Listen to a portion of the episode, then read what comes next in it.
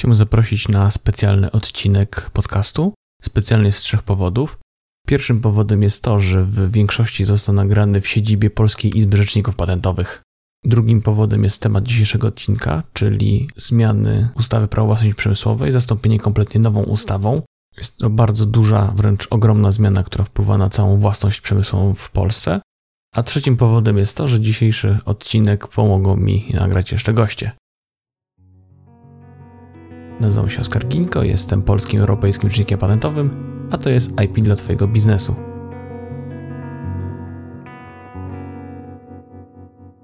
Nie przedłużając, zaczynajmy.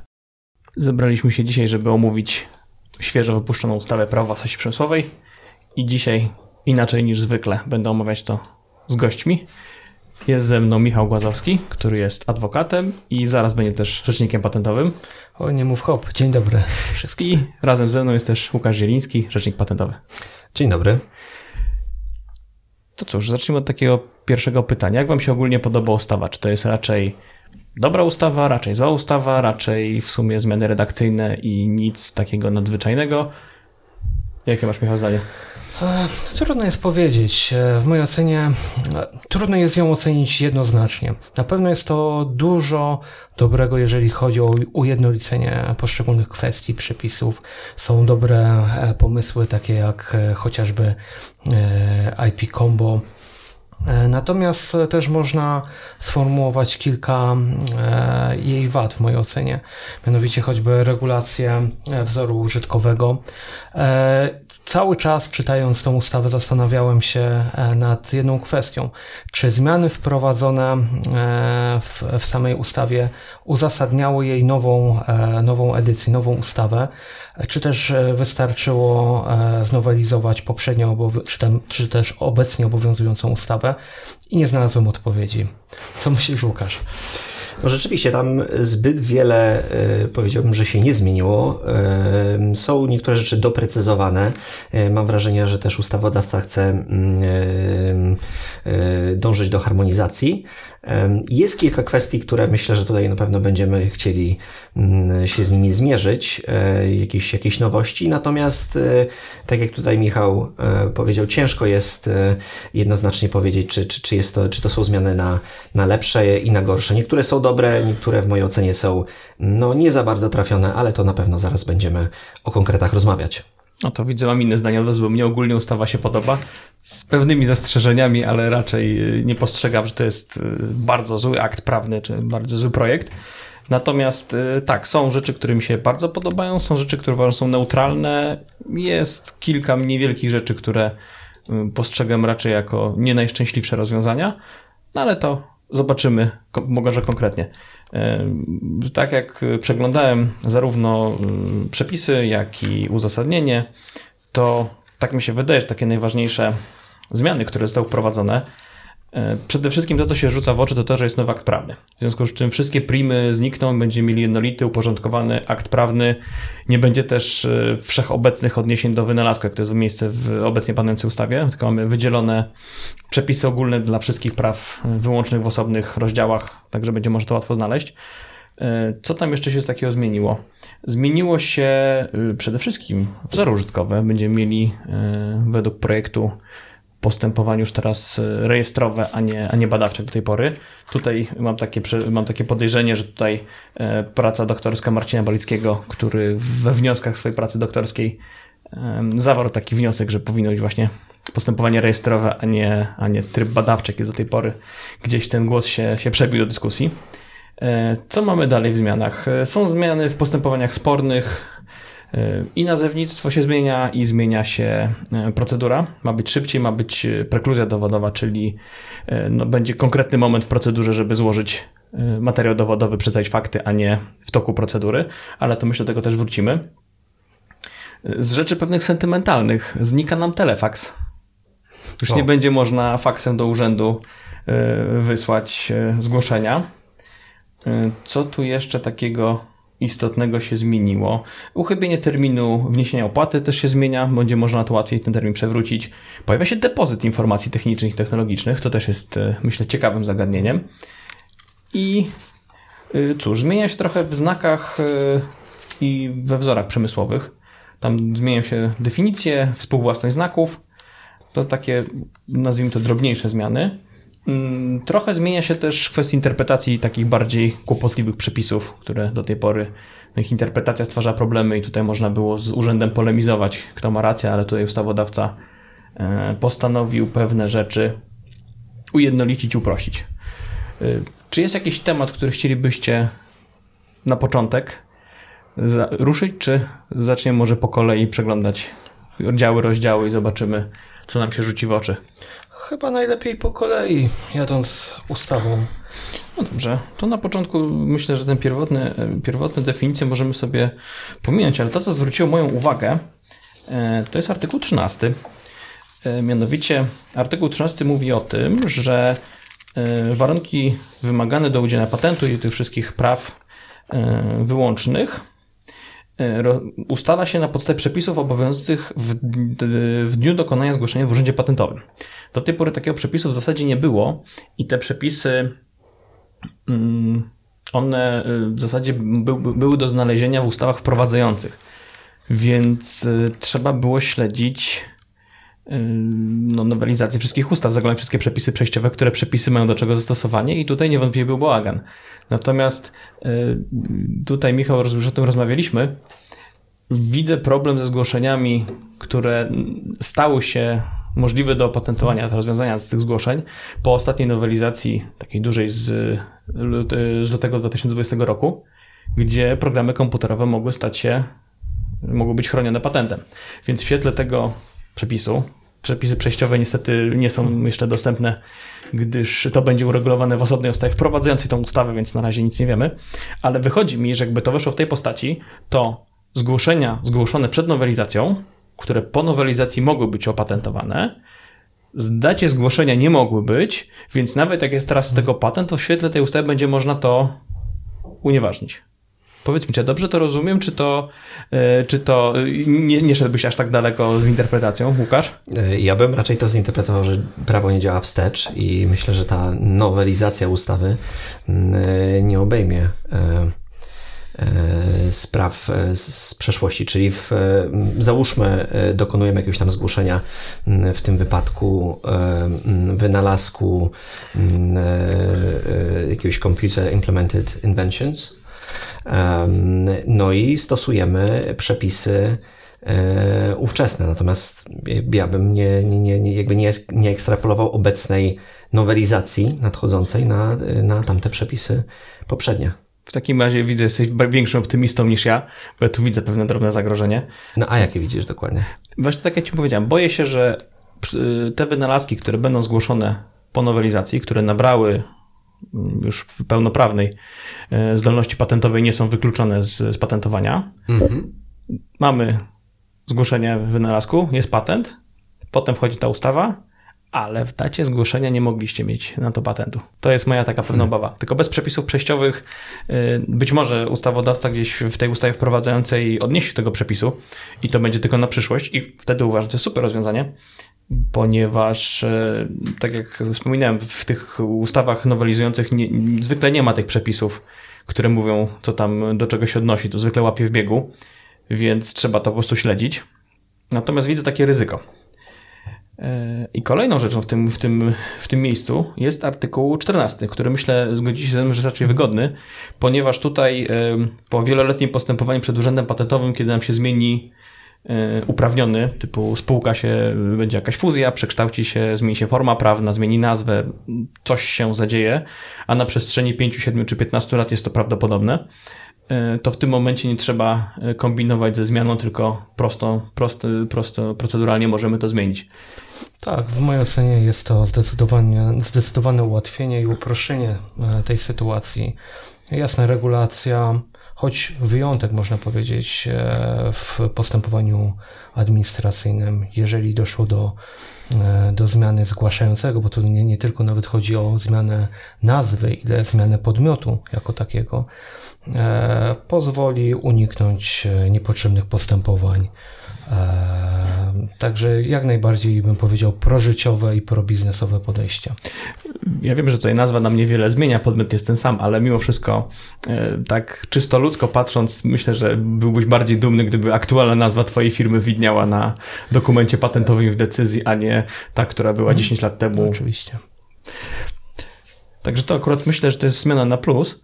E, I teraz myślę, możemy płynnie przyjść do e, nowości, o której wspomnieliśmy wspomnieć, o której zapomnieliśmy. To jest o wstępnym zgłoszeniu wynalazku. Chyba, że, bo z tego co wiem, to już po drodze raczej są rzeczy te same, ale tak na marginesie, jedna rzecz, która mi się rzuciła w oczy, zmieniła się lekko redakcja przepisów. Wydaje mi się, że tam nic nie będzie zmieniało w praktyce, ale y, artykuł 23, który mówi o zastrzeganiu pierwszeństwa, tutaj jest powiedziane, że w celu zastrzeżenia pierwszeństwa za granicą. W obecnej ustawie, która obowiązuje jest po prostu w celu zastrzeżenia pierwszeństwa. Nie ma doprecyzowania gdzie. Natomiast y, nie wiem, jakie wasze zdanie, ale wydaje mi się, że ta zmiana redakcyjna de facto nam niczego nie zmieni. Michał? Trudno jest powiedzieć. E, trzeba wziąć pod uwagę, że jeszcze jest cały etap e, legislacyjny. To dopiero są pierwsza, e, pierwsza edycja tej ustawy. W mojej ocenie rzeczywiście może to być tylko zmiana legislacyjna, tylko zmiana, która powiedzmy doprecyzuje, natomiast niewiele zmieni. Właśnie też mi się tak wydaje, a jest to dla mnie o tyle istotne w kontekście dalej Y, działający, dalej dziejących się rzeczy ze wstępnym zgłoszeniem. A tutaj jeszcze przy okazji zmian językowych taka drobna moja uszczypliwość. Liczyłem na to, że przy nowelizacji zniknie posiadanie poziomu wynalazczego przez wynalazek i pojawi się szlachetne polskie ma, które to jest bardziej właściwe. Tak, jesteś przewrażliwiony na tym punkcie. Tak, tak, jestem przewrażliwiony. Dlatego e, łudziłem się, że może zniknie, no ale dalej trwa. Także jeżeli tutaj ktoś z, z, związany z pracami legislacyjnymi słyszy, będę bardzo wdzięczny, gdyby tam jednak pojawiło się ma. E, ale przechodzimy do wstępnego zgłoszenia wynalazku. E, to jak patrzyłem w uzasadnieniu, to jest pewnego rodzaju kopia amerykańskiego Provisional Application, czyli składamy coś szybko, prosto, po to, żeby zastrzec datę, a za rok będziemy się martwić, co z tym dalej zrobić. Czyli ukłon w stronę przedsiębiorcy, który w tym momencie jeszcze nie ma czasu, ochoty e, się tym dokładnie zajmować, ale już by chciał coś zastrzec na szybko. Teraz moje pytanie do Was, jak postrzegacie ten nowy, y, to nowe narzędzie w PWP? To chyba otwierasz e, temat rzekę, bo z jednej strony ja byłem świadom tego, e, e, tej instytucji w, w prawie amerykańskim i gdzieś tam podświadomie żałowałem, że czegoś, że takiego rozwiązania nie ma, nie ma w Polsce. Natomiast, no właśnie pytanie, czy to jest dobrze wprowadzone rozwiązanie mm, w naszym wypadku, dlatego że mm, w Stanach Zjednoczonych to Provisional Application E, czyli właśnie to wstępne zgłoszenie, mm, jest jakby pełnoprawnym e, zgłoszeniem i wiąże się, wiążą się z tym e, konkretne następstwa, między innymi prawo do pierwszeństwa. Jak tutaj wcześniej rozmawialiśmy, mm, w naszym wypadku, w wypadku nowelizacji prawa własności przemysłowej, może się to okazać problematyczne, no i w efekcie Mm, zgłaszający mm, może stracić prawo do y, pierwszeństwa gdzieś poza Polską, co w niektórych przypadkach może się okazać y, bardzo dotkliwe. E, no pytanie, czy, czy, czy wy tak samo y, spoglądacie na tą, na tą zmianę, czy, czy, czy widzicie jakieś tutaj rozwiązanie? No, w mojej ocenie, e, tutaj odnosząc się też do tego, co, co Łukasz powiedziałeś, dość niejednoznaczny jest charakter prawny tej instytucji. Czy to jest jednak zgłoszenie wynalazku, czy jednak coś, co tym zgłoszeniem wynalazku nie jest, pomimo tego, że jest, jest to zgłoszenie wstępne. Ja mam, e, z jednej strony można wyodrębnić plusy. Plusem na pewno jest to, że ktoś małym nakładem sił i środków, mówiąc kolokwialnie, złapie termin. E, w sensie e, może przygotować sobie jakąś, jakiś wstępny zarys wynalazku, e, przygotuje opis e, i, i później jeszcze ma rok czasu na znalezienie na przykład finansowania, doprecyzowania e, samego wynalazku, zgłoszenie zastrzeżeń, dokonanie badań, e, więc to jest zdecydowanie na plus. Ale ja tutaj widzę duże, e, widzę także minusy tego rozwiązania i to te minusy są niestety dość spore. Mianowicie chodzi mi tutaj o sytuację, jaki jest cel zastrzeżenia e, uzyskania prawa wyłącznego. Mianowicie jest to, chodzi tutaj o pewnego rodzaju pewność obrotu. W mojej ocenie osoba czy podmiot, który regularnie E, tworzy, mm, jest wynalazcą, e, łoży e, środki na, na rozwój własnego IP, powinien mieć możliwość w miarę, w sposób w miarę prosty uzyskania ochrony, czyli między innymi wiedzieć, co jest już w stanie techniki, a co nie, co może komercjalizować, a co nie. Tutaj mamy sytuację, która która w mojej ocenie e, przeciwdziała temu stanowi pewności, ponieważ e, ta ochrona, e, to, to wstępne zgłoszenie jest takie dość, nie, nie jest nigdzie ujawnione. Więc może się pojawić sytuacja, w której ktoś będzie nadużywał tej instytucji bardziej w celu ochrony swojego know-how. Przykładowo przygotuje bardzo obszerny e, dokument, gdzie bardzo dużo różnego rodzaju e, cech danego wynalazku może e, być ujęta. Przez rok czasu ma pewność, że, że ma złapany termin. W międzyczasie może produkować własne rozwiązanie, ale nie chronić je patentem E, czyli też nie wydawać e, większych środków na ochronę, a chronić je tym know-how. Przed e, końcem tego terminu zgłasza ponowne wstępne zgłoszenie wynalazku i znowu powiedzmy ma swego rodzaju przewagę rynkową.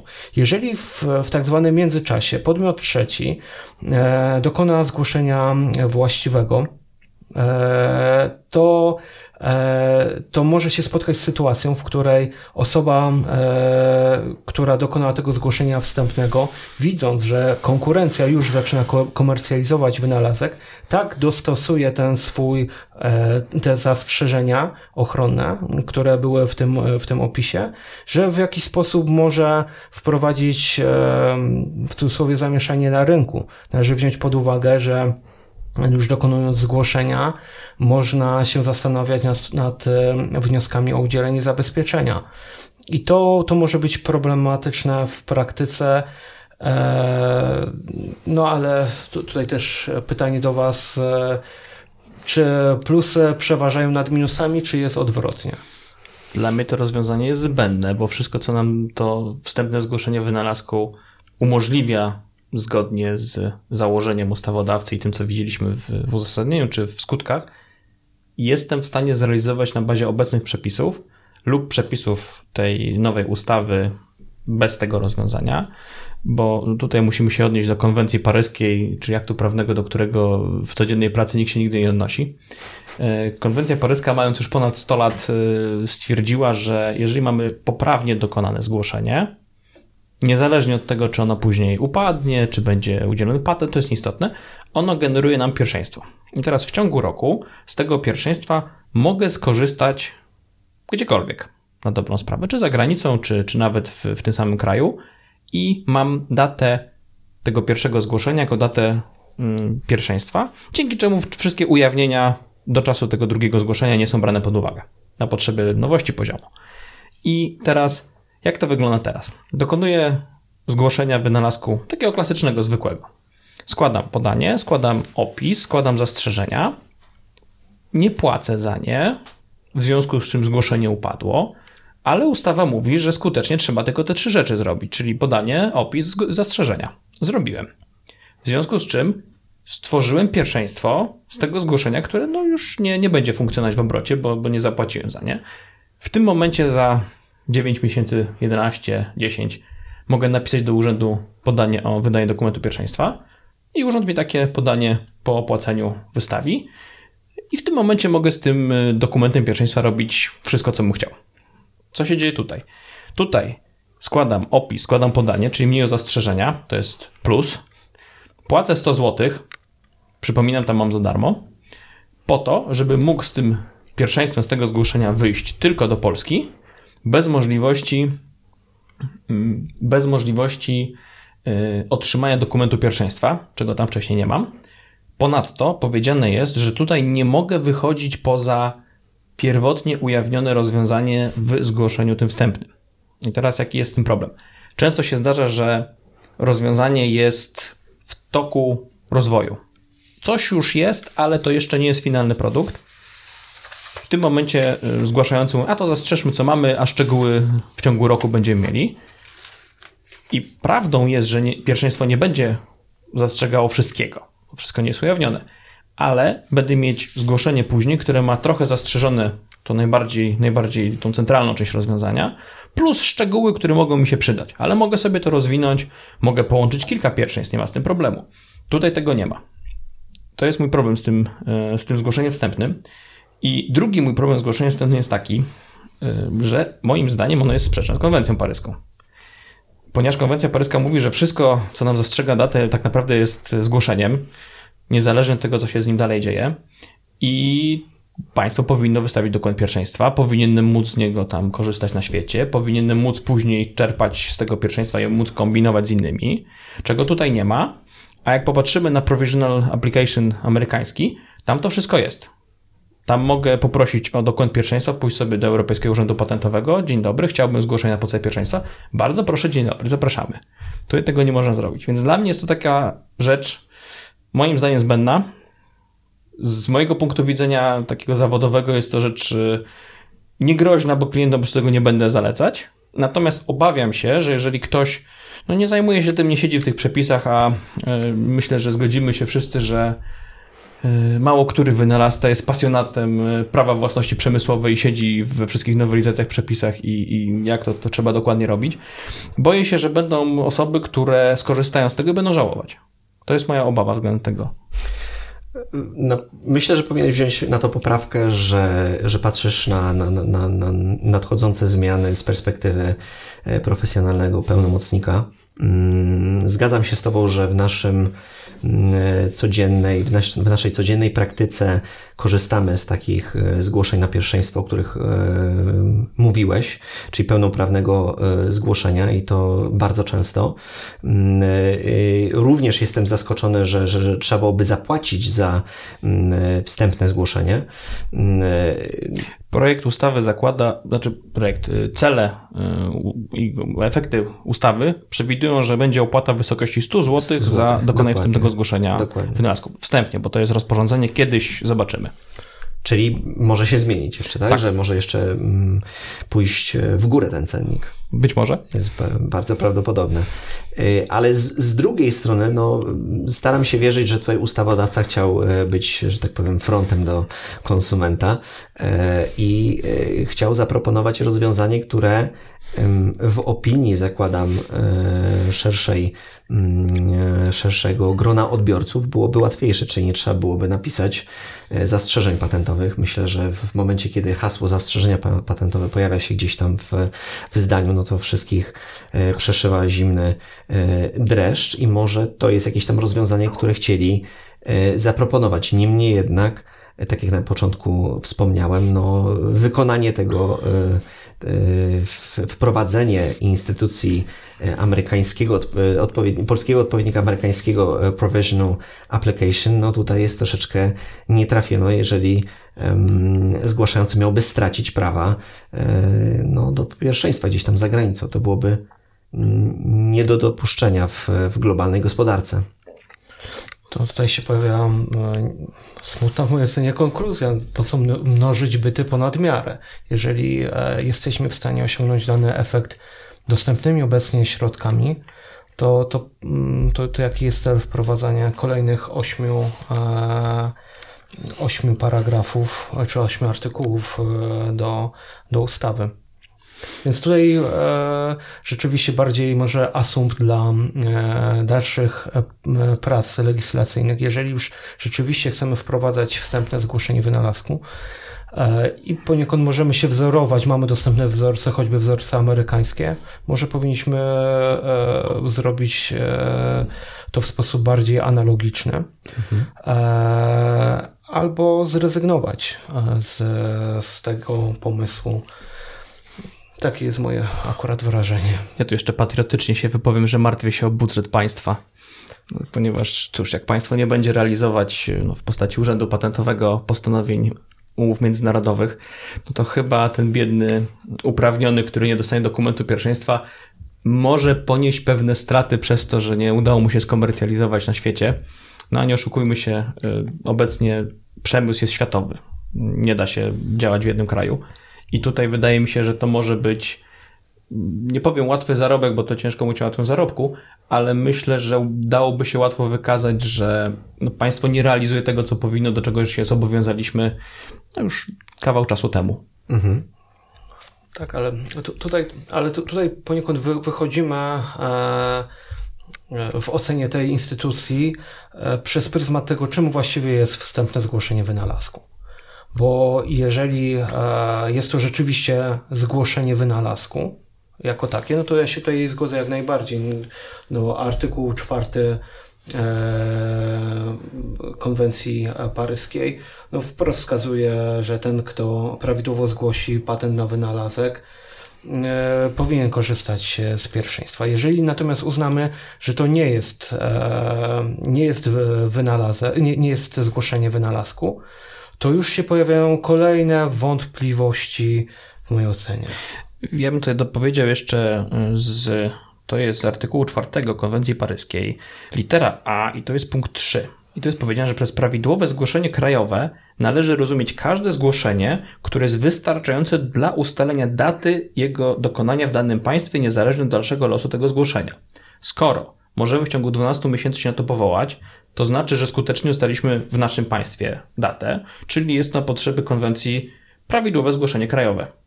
W związku z czym wydaje mi się, że tutaj to będzie miało zastosowanie.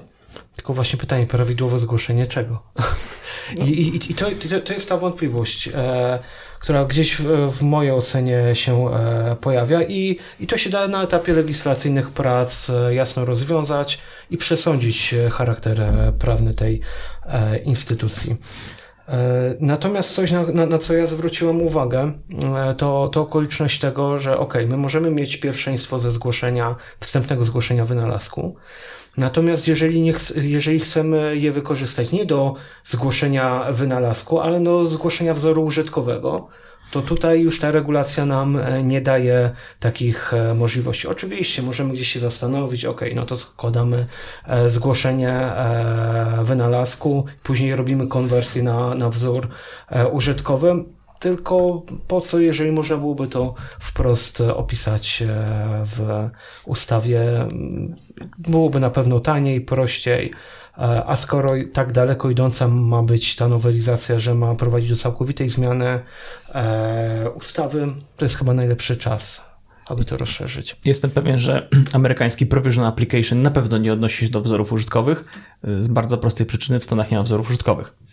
Natomiast u nas, tak jak mówisz, przydałoby się, żeby to wskazać, no, zwłaszcza, że też konwencja paryska mówi, że zgłoszenie wynalazków dają pierwszeństwo dla wzorów użytkowych i odwrotnie. Y, prawdą jest też to, że tak jak mówisz, można zrobić taki manewr podrapania się prawą ręką po lewym uchu, gdzie składamy wniosek o udzielenie patentu, po czym dostajemy decyzję odmowną, czy nawet nie czekamy tego momentu, składamy wniosek o przekształcenie i, i mamy. Zrobić się to da, tylko tak jak y, powiedziałeś, całkowicie się zgadzam, jest to y, wydłużanie procedury, a to jest chyba sprzeczne w ogóle z zamysłem całej tej nowelizacji, gdzie y, przez całe uzasadnienie przewija się hasło szybkości, prędkości i ekonomiki procesowej. Rozumiem, że mm, te wstępne zgłoszenia będą wykazywane gdzieś w statystykach. To jest bardzo dobre pytanie. Nie widziałem, żeby gdzieś było. Na pewno w zmianach w rejestrze nie będzie takiej informacji, bo cóż, te zgłoszenia wstępne nie będą żyć do czasu publikacji, bo po 12 tak, miesiącach tak, i tak, tak, one przestają funkcjonować. Natomiast jestem pewien, że jak co roku będziemy dostać informacje statystyczne, ile takich zgłoszeń e, zostało dokonanych w Urzędzie Patentowym. Dokładnie, dokładnie. Znaczy tutaj się zdobyłem na pewną uszczypliwość, ale e, z drugiej strony no, byłoby piękne, gdyby mm, zespół naukowców, którzy nie czują się na siłach e, i nie mają finansów, żeby skorzystać z profesjonalnej pomocy, dokonują prostego, wstępnego zgłoszenia tuż przed publikacją swoich wyników badań. No ale tak jak panowie właśnie wspominaliście, może się okazać, że że statystyki pójdą w górę, wszyscy będą się cieszyć, ale jak przyjdzie co do czego, to e, nasze rozwiązania będą dokładnie powielane za granicą i nic z tego e, nie zrobimy, bo nie będziemy mogli skorzystać z pierwszeństwa. Dla mnie to jest wynalazek podobny do pierwszeństwa z krajowej wystawy. Bo ile wystawy międzynarodowe ogólnie uznane, to jest no, w każdym kraju, już konwencja paryska od tego w zasadzie wyszła, żeby z tych wystaw międzynarodowych można było mieć pierwszeństwo, więc tego nikt nie kwestionuje. Natomiast e, to jest dla mnie podobny wynalazek, ponieważ tylko u nas to będzie działało. Przy czym no, możemy uznać pewną ulgę w nowości na wystawie krajowej, z tym nie mam jakiegoś dużego problemu, zwłaszcza jak ktoś nie planuje wychodzić ze swoim rozwiązaniem poza granice kraju, w szczególności mając wzór użytkowy, który raczej przedsiębiorcy, jak chronią to głównie w w granicach kraju i nie są zainteresowani bardziej międzynarodową ochroną tego rozwiązania, więc to jest takie neutralne. Natomiast dla mnie to jest podobny pomysł, gdzie zachęcamy moim zdaniem nie najszczęśliwiej przedsiębiorców do większej aktywności, no ale to myślę, zobaczymy jak to się, jak, to, jak, ten, jak ten nowy byt się uchowa w procesie legislacji, czy on w ogóle przejdzie i jakie będą w ogóle uwagi też przedsiębiorców, którzy na pewno będą składać uwagi do, do, do tego rozwiązania. A przy okazji, e, o, o, o tym, że rozmawialiśmy, że można złożyć opis, zastrzeżenia, podanie i mamy pierwszeństwo. W starej ustawie, w starej, obecnie obowiązującej, jest powiedziane, że coś, co zewnętrznie wygląda jak opis, zastrzeżenia, no i podanie. Konsekwencją tego jest taką, że mogę złożyć książkę, napisać na końcu zastrzeżenia. Jeden zastrzegam to, co napisałem wyżej. W sumie wygląda jak zastrzeżenia chyba jest opis, podanie się zgadza, wiadomo kto składa, no to jest pierwszeństwo. Natomiast e, jakbyście zwrócili uwagę, e, to tutaj ten warunek zewnętrznego wyglądu zniknął. I teraz zastanawiam się, czy waszym zdaniem cokolwiek to zmieni, ponieważ, tak mi się wydaje przynajmniej, celem tego przepisu jest e, skontrolowanie przez urząd, czy wszystko jest. Żeby można było procedury ruszyć, założyć numer, założyć teczkę i niech sobie to dalej normalnym tokiem funkcjonuje. Wydaje mi się, że nawet po tej zmianie, gdzie zniknie warunek tej zewnętrznej kontroli optycznej, e, wszystkich składników zgłoszenia, dalej nikt na tym wstępnym etapie nie będzie wnikać, czy to rzeczywiście jest opis i czy zastrzeżenia rzeczywiście są zastrzeżeniami, zwłaszcza, że w świetle obecnych przepisów, a jeszcze bardziej w świetle przepisów nowej ustawy, mogę zastrzeżenia zmieniać w zasadzie dowolnie na podstawie tego, co w tym ujawnieniu się znalazło. To prawda, ale ja się z kolei spotkałem, e, co prawda, u innych rzeczników e, mm, z taką kwestią, że Urząd Patentowy jednak zakwestionował że zastrzeżenie przedstawione właśnie w takiej formie, tak jak wspomniałeś, czyli e, wynalazek znamienny e, tym, jak ujawniono w opisie, tak oczywiście w, w, w bardzo tak, że tak powiem, niedbale, mm, no to urząd wrócił do pełnomocnika i powiedział, że no, przepraszam, hola, hola, e, tutaj się zagolopowaliście, potrzebujemy części, która wygląda jak zastrzeżenie, a to no, daleko leży od zastrzeżenia. Ja osobiście jednak staram się, żeby te pierwsze zastrzeżenie, przynajmniej jedno zastrzeżenie było mm, takie w miarę porządne. No, wypadałoby zrobić to porządnie, ale jak nie ma czasu i jest to z dzisiaj na jutro, to wie, że takie sytuacje się zdarzają i się robi tak, żeby to zdążyć z terminem, który zwykle jest nie do ruszenia. Natomiast tak, jak, ma, jak jest czas i możemy to zrobić dobrze, to też wolę zrobić to od razu porządnie i nie, nie świecić później oczami przed klientem i przed urzędem patentowym. Natomiast tak. mówimy tu o sytuacjach ekstremalnych. Także taka rzecz się zmieniła. E, nie mam pojęcia, jaki będzie wpływ e, tej zmiany na postępowanie Urzędu Patentowego i, to, i czy to cokolwiek zmieni. Natomiast nie ukrywam, bezpieczniej bym się czuł, gdyby przepis został w starym brzmieniu z zewnętrznym wyglądem. Mhm.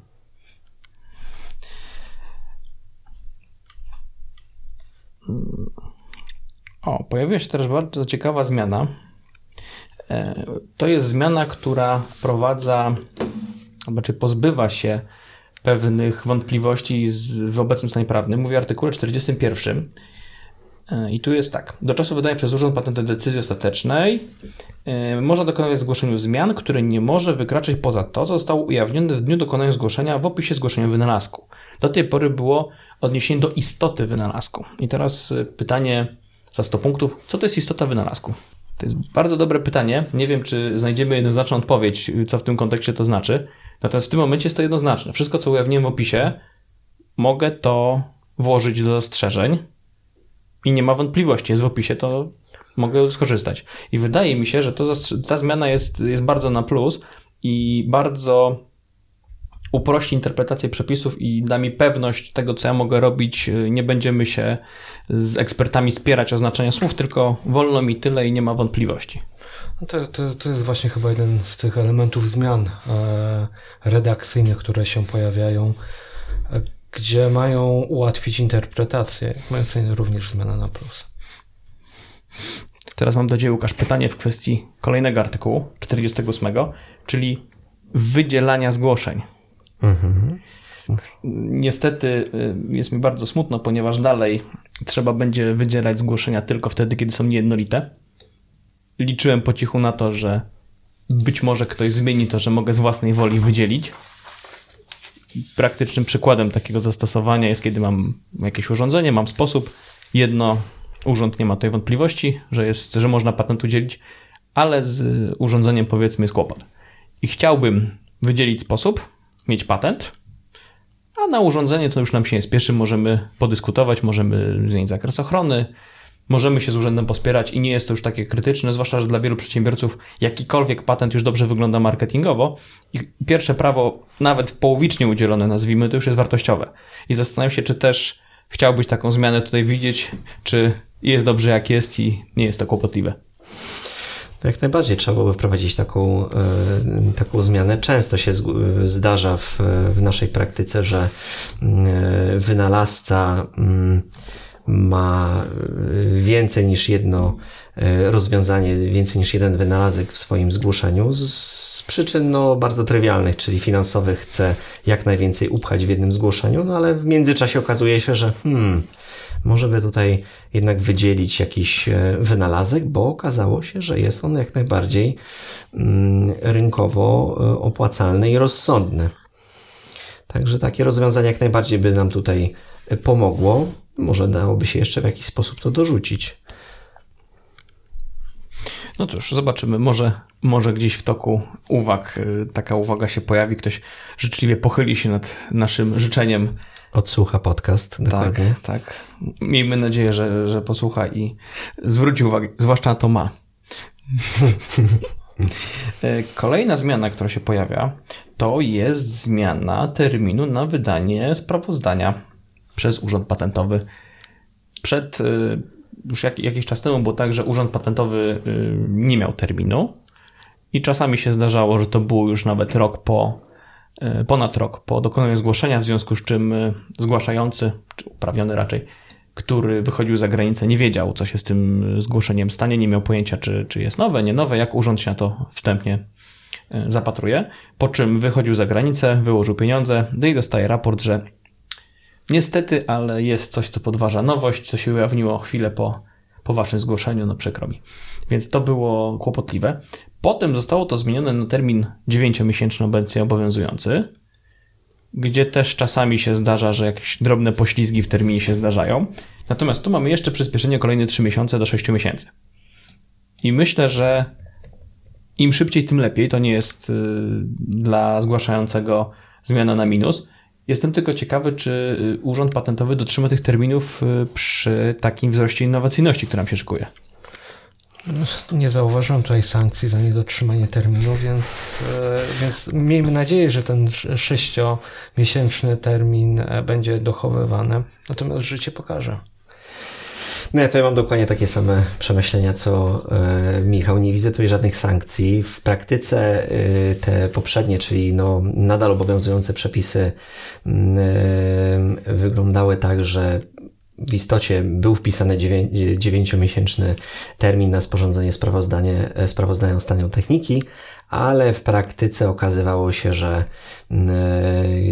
no, niektórzy eksperci nie czuli się zobowiązani tym, tym przepisem, no i niejednokrotnie trzeba było tam się domagać praw dla zgłaszającego. Mam nadzieję, że ten przepis sześciomiesięczny, czyli nowy, będzie egzekwowany i taką zmianę należałoby uznać na, jako zmianę na pozytywne, ale no zobaczymy jak to w praktyce będzie z, z, z tymi sześciomiesięcznymi terminami na sprawozdanie. Czyli w dużym skrócie wszyscy się zgadzamy, że zmiana na plus. Ale wątpimy. Ale wątpimy, jesteśmy ludźmi małej wiary. Znaczy, bardzo byśmy sobie życzyli i oczywiście chętnie zobaczymy te zgłoszenia w szybszym terminie, natomiast zobaczymy, jak to będzie e, wyglądało w praktyce. Kolejna rzecz, która e, też liczyłem, że może temat zostanie poruszony przy okazji nowelizacji, to jest e, zakres przedmiotowy patentu. Ponieważ mamy w tym momencie dwa patenty na, na porządku krajowym, czyli mam patenty wydane przez Europejski Urząd Patentowy i patenty nasze krajowe wydane przez Polski Urząd Patentowy. I do patentów europejskich stosujemy ekwiwalenty, a do patentów polskich nie wiemy, czy stosujemy ekwiwalenty. Dlatego bardzo liczyłem na to, że może w tym miejscu ktoś e, dorzuci jakiś taki drobny przepis wskazujący, że należy ekwiwalenty stosować, żeby tu była równość praw i nie było wątpliwości interpretacyjnych, bo tak na dobrą sprawę widziałem różne opinie, e, widziałem poglądy, że nie ma, że to w sprawa wprost nie wynika, widziałem poglądy, ale dla spójności systemowej wypadałoby stosować. No ale y, nie ma. Uważacie, że warto byłoby się nad tym zastanowić, czy to jest taki temat y, wydumany i nie ma, nie ma potrzeby go w ogóle ruszać? Według mnie każda niejednoznaczność w ustawie e, jest in minus. Tutaj nie, tutaj e, nie e, umożliwia to lepszej ochrony. Często może prowadzić właśnie do długotrwałych sporów, więc jeżeli można na etapie tak, tak dużej zmiany ustawodawczej coś ujednolicić, wyjaśnić, w szczególności jeżeli otoczenie prawne w innych krajach e, wygląda inaczej, czy też w innych organizacjach, e, to, to tutaj jak najbardziej powi urząd powinien raz się zdecydować wprost, czy, czy, czy teoria ekwiwalentów będzie stosowana, czy nie. A być może, skoro już chcemy zbliżać to nasze prawo krajowe e, do, do, do prawa stosowanego w, w innych instytucjach, no to może przychylić się i wprowadzić prospekto tak, jak jest za granicą. No ale y, póki co nie zanosi, żeby tu była zmiana. Może w późniejszym toku prac nad ustawą y, coś się zmieni. Chciałem jeszcze zauważyć, że czekają nas prace w komisjach, trzy czytania, y, głosowanie w Sejmie, w Senacie, jeszcze prace komisji senackiej i potem dopiero gdzieś na jesieni może ustawa wejdzie na biurko prezydenta do podpisu. Także jeszcze tutaj dużo się może pozmieniać. I z rzeczy takich, które mnie trochę zastanawiają, to są kwestie związane z unieważnieniem patentu europejskiego na terenie Polski. Ponieważ te przepisy, y, które mamy w tej ustawie, zresztą w obecnej też, one odnoszą się do przesłanek unieważnienia patentu krajowego. Tymczasem konwencja o patencie europejskim mówi w artykule 138, jakie są, jaka jest wyłączna lista podstaw prawnych, które można zastosować. I wydaje mi się, że wygodniej, pewniej i no, spokojniej byłoby dać odniesienie do konwencji o patencie europejskim, zwłaszcza, że zdarzały mi się sytuacje, gdzie w toku postępowania spornego właśnie o unieważnienie patentu był dość długi spór na temat podstawy prawnej. I w tym momencie myślę że uniknęlibyśmy pewnej niejednoznaczności, wskazalibyśmy wprost przepisy, których tak jesteśmy zobligowani przestrzegać na, ze względu na podpisaną umowę międzynarodową i nie byłoby problemu z odnoszeniem i co więcej, obawiam się, że niektórzy mogą też nie zajrzeć w ogóle do tego aktu prawnego, który no de facto kształtuje ich prawa w tym zakresie. Tu jak najbardziej trzeba byłoby to zmienić, dlatego że w, w obecnej sytuacji e, z nadchodzącym e, e, patentem jednolitym tych zgłoszeń, w zasadzie patentów europejskich w Polsce będzie coraz więcej. To będzie problem, który będzie coraz bardziej nas dotykał, a taka niedookreślona podstawa prawna, no jak najbardziej jest problematyczna. No i nie chcemy tutaj w, w trybie spornym e, zastanawiać się, e, czy jest dobra e, podstawa, tylko no, egzekwować swoje prawa, reprezentować polskich klientów, którzy będą poszkodowani w, w, w wielu sytuacjach. To jeszcze ostatnia rzecz przy patencie europejskim. Chciałbym zwrócić Waszą uwagę na artykuł 97, ustęp 5. Do tej pory było tak, że jeżeli patent europejski nie był walidowany, czyli nie było złożone tłumaczenie na język polski, no i oczywiście opłata urzędowa, to w tym momencie patent europejski po prostu nie miał skutku na terenie Polski. Skończyliśmy temat patentu europejskiego na terenie Polski. Teraz się zmienia. Urząd stwierdza w drodze postanowienia. Ja już widzę te miliony postanowień, które latają pocztą. Hmm.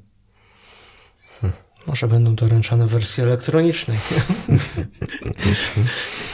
Oj, z tego co pamiętam, to się nie, pod... nie trzeba podawać adresu internetowego, adresu elektronicznego do Europejskiego Urzędu Patentowego. Ja dalej w czynie patriotycznym martwię się o budżet państwa. Bo jeszcze się okaże, przez tą zmianę Urząd Patentowy, który jako jeden z nielicznych zarabia na siebie w naszym kraju, przestanie zarabiać. No ale czyli co? Czyli te postanowienia byłyby wysyłane do, e, do uprawnionego z patentu, gdzieś, nie wiem, do Hiszpanii? A jaki jest sens wydać postanowienie go nie wysłać? No i też... E, Hiszpania pół biedy. Chiny. Wietnam. Wietnam. Albo jakoś Polinezja. Tak. E, no, a... Ewentualnie San Escobar. E, druga sprawa, która mi przychodzi do głowy, no to jest to, że lepiej by było, żeby mm, skupić się na tym, mm, żeby takie mm, wzmianka e, o tym, że, że, że, że, że, że patent europejski nie jest w mocy w Polsce, pojawiała się w rejestrze szybciej, na tym się skupić, bo mam wrażenie, że to też E, kuleje w niektórych e, przypadkach, niż o tym, żeby powiadomić, powiadomić najbardziej zainteresowanego uprawnionego, no bo on sam wie, czy, czy, czy, czy walidował ten patent, czy, czy nie. Także tutaj ja bardziej bym się martwił o, o uczestników rynku niż, niż o uprawnionym. No to już kończymy temat patentu europejskiego. Dalej mamy te rozwiązania bardziej medyczne, farmaceutyczne, ale z tego co, co patrzyłem, to tutaj są jedynie kwestie redakcyjne i tam e, zasadniczo żadnych zmian praktycznych dla uczestników rynku nie ma. I przejdźmy do kolejnego hitu, czyli do wzorów użytkowych. No tak. No to już czuję, że nas czeka dłuższa dyskusja na ten temat. Ja jestem ogólnie na nie. A który z Was jest na tak i mu się podoba ta zmiana i uważa, że wzory użytkowe, rejestrowane są dobrym pomysłem, czy raczej y, wszyscy patrzymy na to negatywnie? Jakie macie zdanie, Łukasz? No ja mam wrażenie, że chyba się wykazuje jakąś straszną empatią, bo próbuję się zastanawiać, zastanawiać co przyświecało um, autorom. Pozwól Ci przerwę. Szybkość. Tak. No i tak właśnie próbuję tutaj znaleźć jakieś, jakieś korzyści. E, no zastanawiam się nad tym, że ok, no wzory, wzory użytkowe są, um, obowiązują 10 lat, no to że, krótki czas, może w jakiś sposób to powinno być um, ułatwione, natomiast no z praktyki e, e, widzę, że są problemy z tymi wzorami użytkowymi. No i teraz rozluźnianie przepisów i wprowadzanie po prostu mm, procedury mm, rejestrowej na pewno temu nie pomoże. Będziemy mieć, e, no załóżmy, że będziemy mieć więcej tych zgłoszeń mm, wzorów użytkowych. Wierzę, że, że tak będzie, może, może troszeczkę naiwnie, e, bo to nie jest tak, że przepis się zmieni i nagle ludzie zaczną być bardziej innowacyjni e, i wynalazczy. Natomiast no, obawiam się, że to będą bardzo kiepskiej jakości mm, zgłoszenia i w, w praktyce spotkamy się z takimi śmieciami, cudzysłowie na, na rynku. Wprowadzi to więcej zamieszania, dlatego że uczestnicy rynku będą się zastanawiali, czy to jest, czy, czy, czy, czy, czy to jest realne niebezpieczeństwo naruszyć potencjalnie taki, taki, taki wzór użytkowy, no a później będzie się dopiero okazywało w postępowaniu spornym, załóżmy, że to w ogóle nie, nie, że to nie, nie trzyma się kupy. No. Ja, ja tak patrzę na, na, na, ten, na tą kwestię, powiedzmy sobie, małej takiej rewolucji kopernikańskiej w kontekście wzorów użytkowych i przejścia do trybu e, rejestrowego.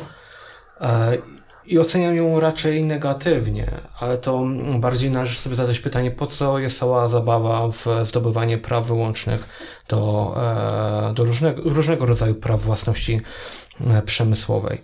Czy to chodzi tylko o to, żeby mieć e, ten papierek, czy też PDF z informacją, tak jesteś uprawniony do takiego wzoru użytkowego, czy do takiego patentu, czy do takiego znaku towarowego, czy żeby jednak coś z tym dokumentem robić. Prawo własności przemysłowej zostało pomyślane po to, aby chronić podmioty, które jednak są innowacyjne. W mojej ocenie ten przepis i ta zmiana w, w odniesieniu do e, wzorów użytkowych jest trochę taki kontraskuteczny, taki, e, który więcej może wy, wyrządzić złego niż e, dobrego. Staram się patrzeć e, głównie na ten przepis w kontekście tego, jak ten, e, jak i ogólnie jak wzór użytkowy ma funkcjonować w powszechnym e, obrocie. I to tutaj e, może trochę chronologicznie, ale należałoby przejść wprost do artykułu 477, który mówi, w jaki sposób ja mogę to, ten wzór użytkowy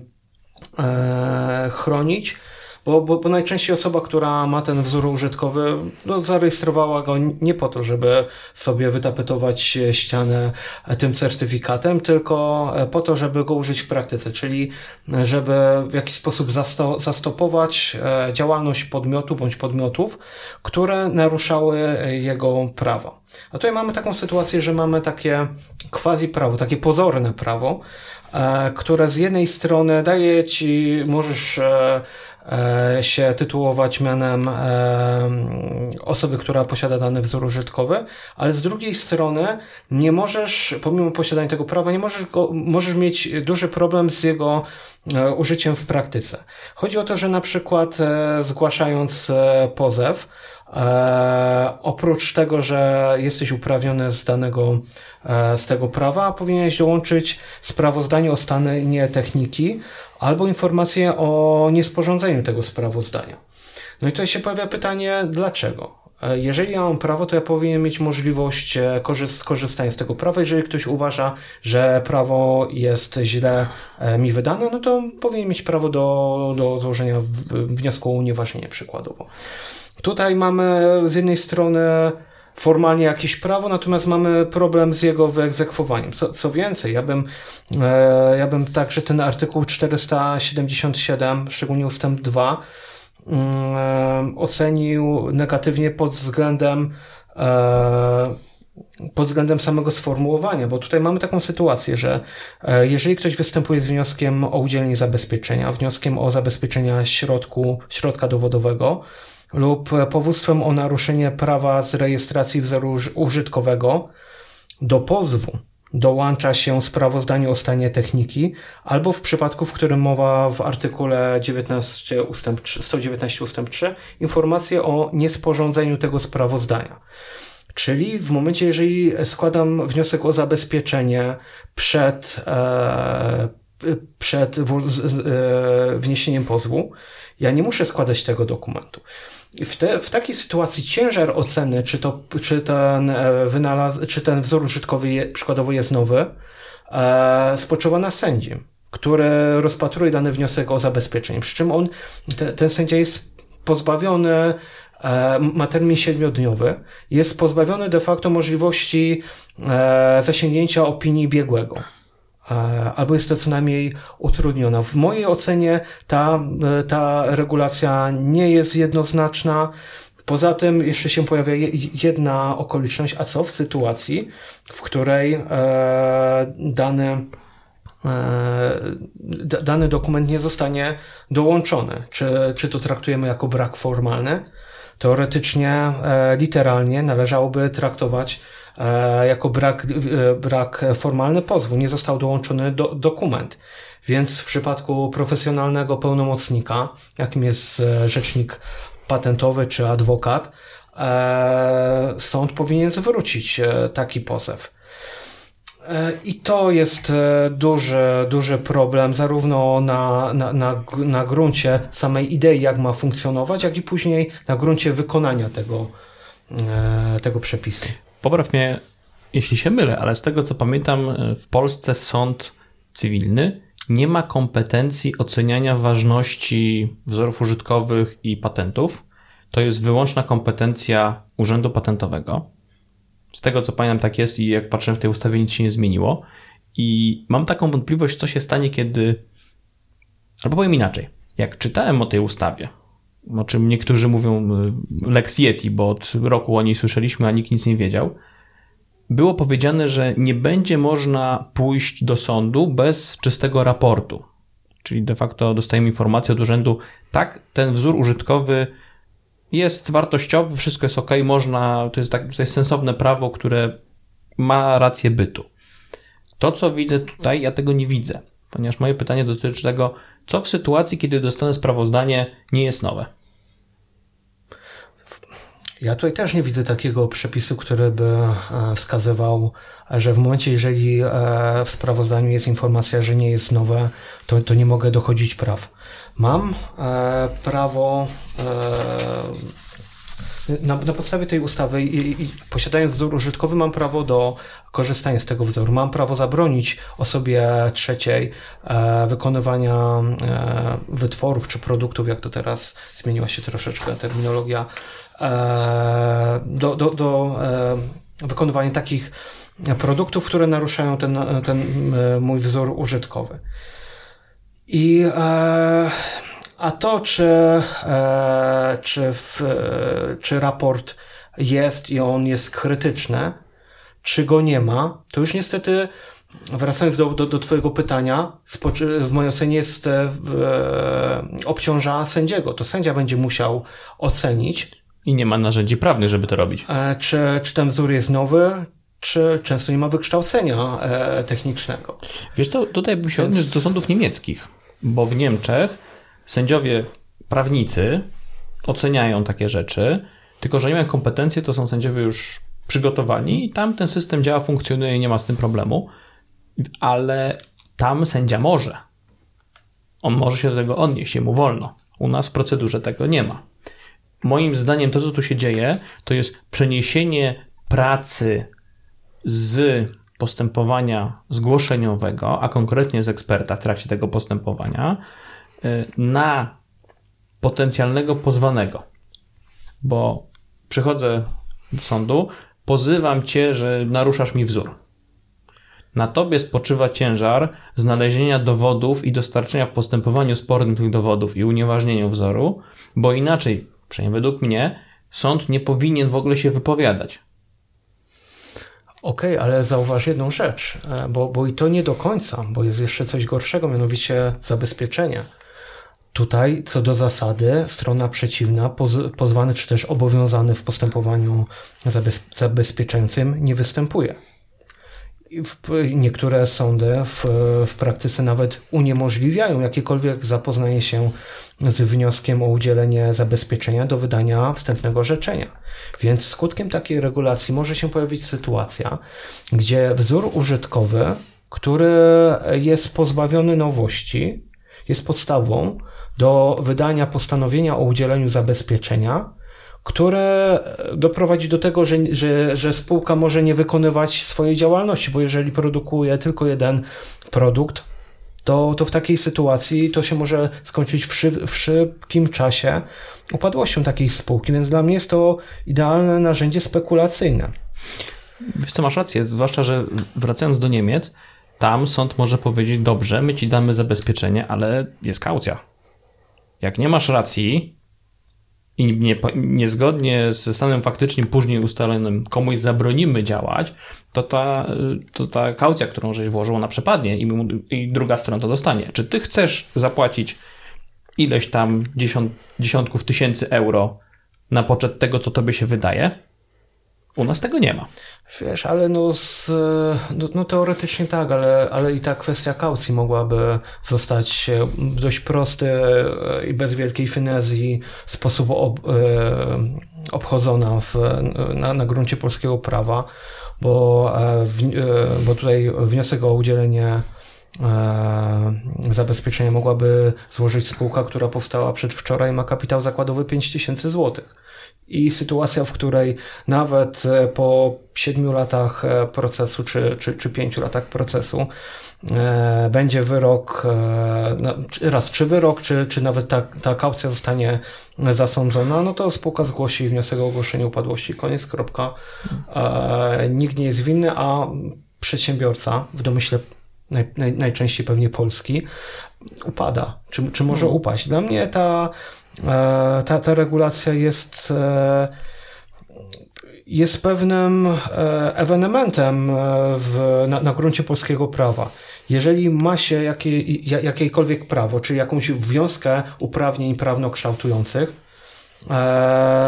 to co do zasady będzie można z tego skorzystać. Tutaj mamy sytuację, kiedy jeszcze potrzebujemy jakiegoś sprawozdania albo informacji o nieprzeprowadzeniu tego sprawozdania. I nawet gdybyśmy uznali taką sytuację, że ok, gdyby tutaj była nowelizacja w kierunku tego, co mówiłeś na początku, e, że, e, że, że bez pozytywnego sprawozdania E, nie możesz dochodzić praw ze wzorów, no to, no to w, w tym przypadku e, to, to, to, to, to nadal, nadal jest to proces wadliwy, no bo e, od tego sprawozdania ze wzorów albo od informacji o niesporządzeniu tego sprawozdania ja nie mam wniosku o ponowne rozpatrzenie.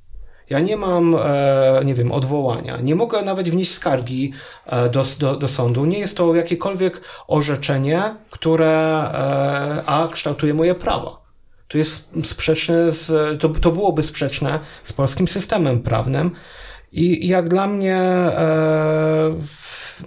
jak dla mnie to pokłosie wprowadzenie trybu rejestrowego w, w tym zakresie i w odniesieniu do wzorów użytkowych jest e, zjawiskiem negatywnym. Ja je oceniam.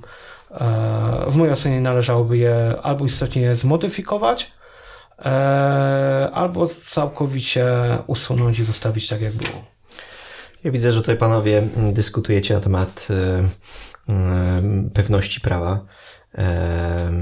A ja sobie tak myślę, że to mogło być takie, takie tylne drzwi dla y, troli patentowych, y, w cudzysłowie, albo jakichś takich januszy y, biznesu, że jeden przedsiębiorca zobaczy, że jego sąsiad przedsiębiorca ma taki albo taki produkt, zacznie w złej wierze mm, zgłaszać w bardzo szybkim, mm, w bardzo szybkim tempie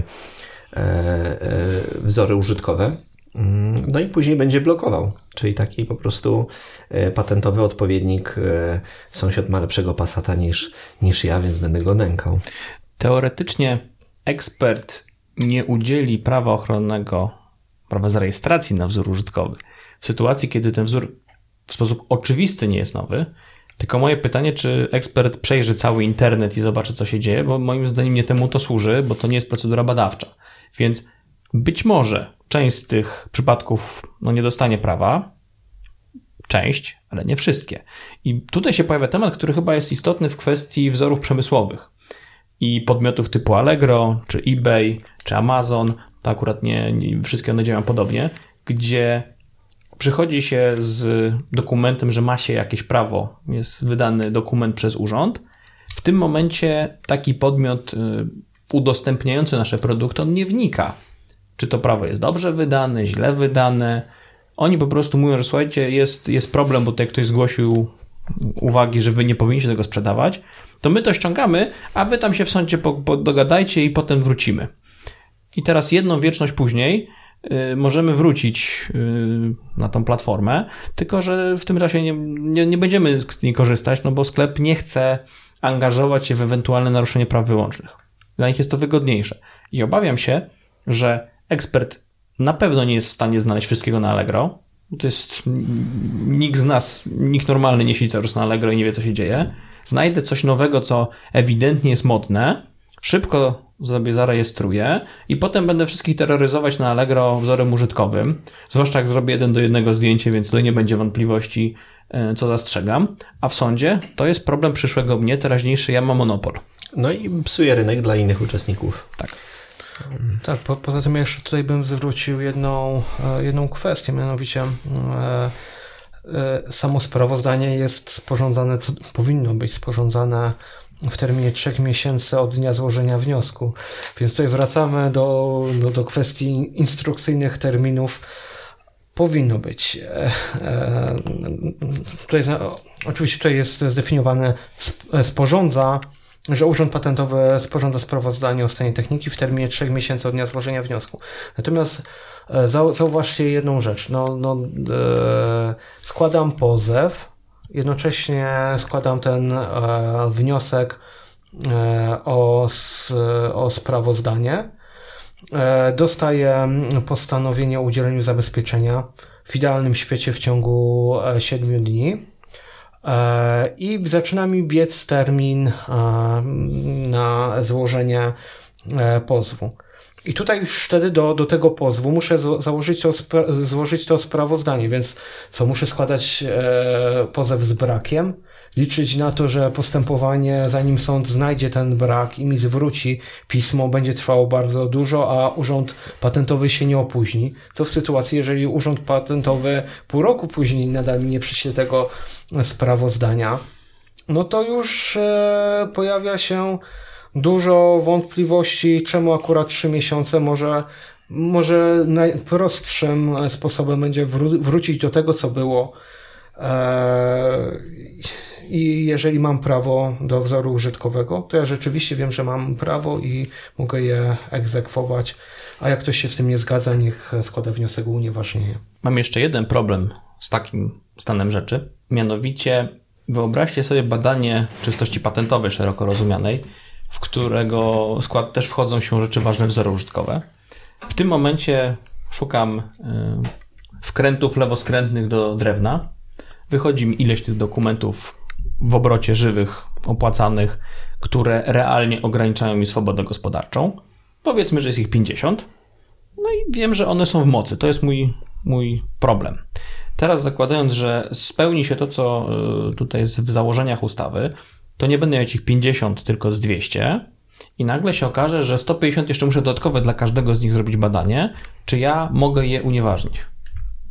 I nagle z jednego badania relatywnie prostego robi się jeden duży koszmar i ból głowy, który nie dość, że zajmie czas, to jeszcze będzie kosztować, no bo to jedno z drugim jest mocno powiązane. Pytanie, czy polscy przedsiębiorcy, którzy już no nie zawsze y, chętnie się takimi tematami zajmują, będą chcieli jeszcze bardziej się tym zajmować przy jeszcze większej niepewności prawnej, co tam się z tym dzieje i czy to prawo w ogóle jest jakkolwiek sensowne.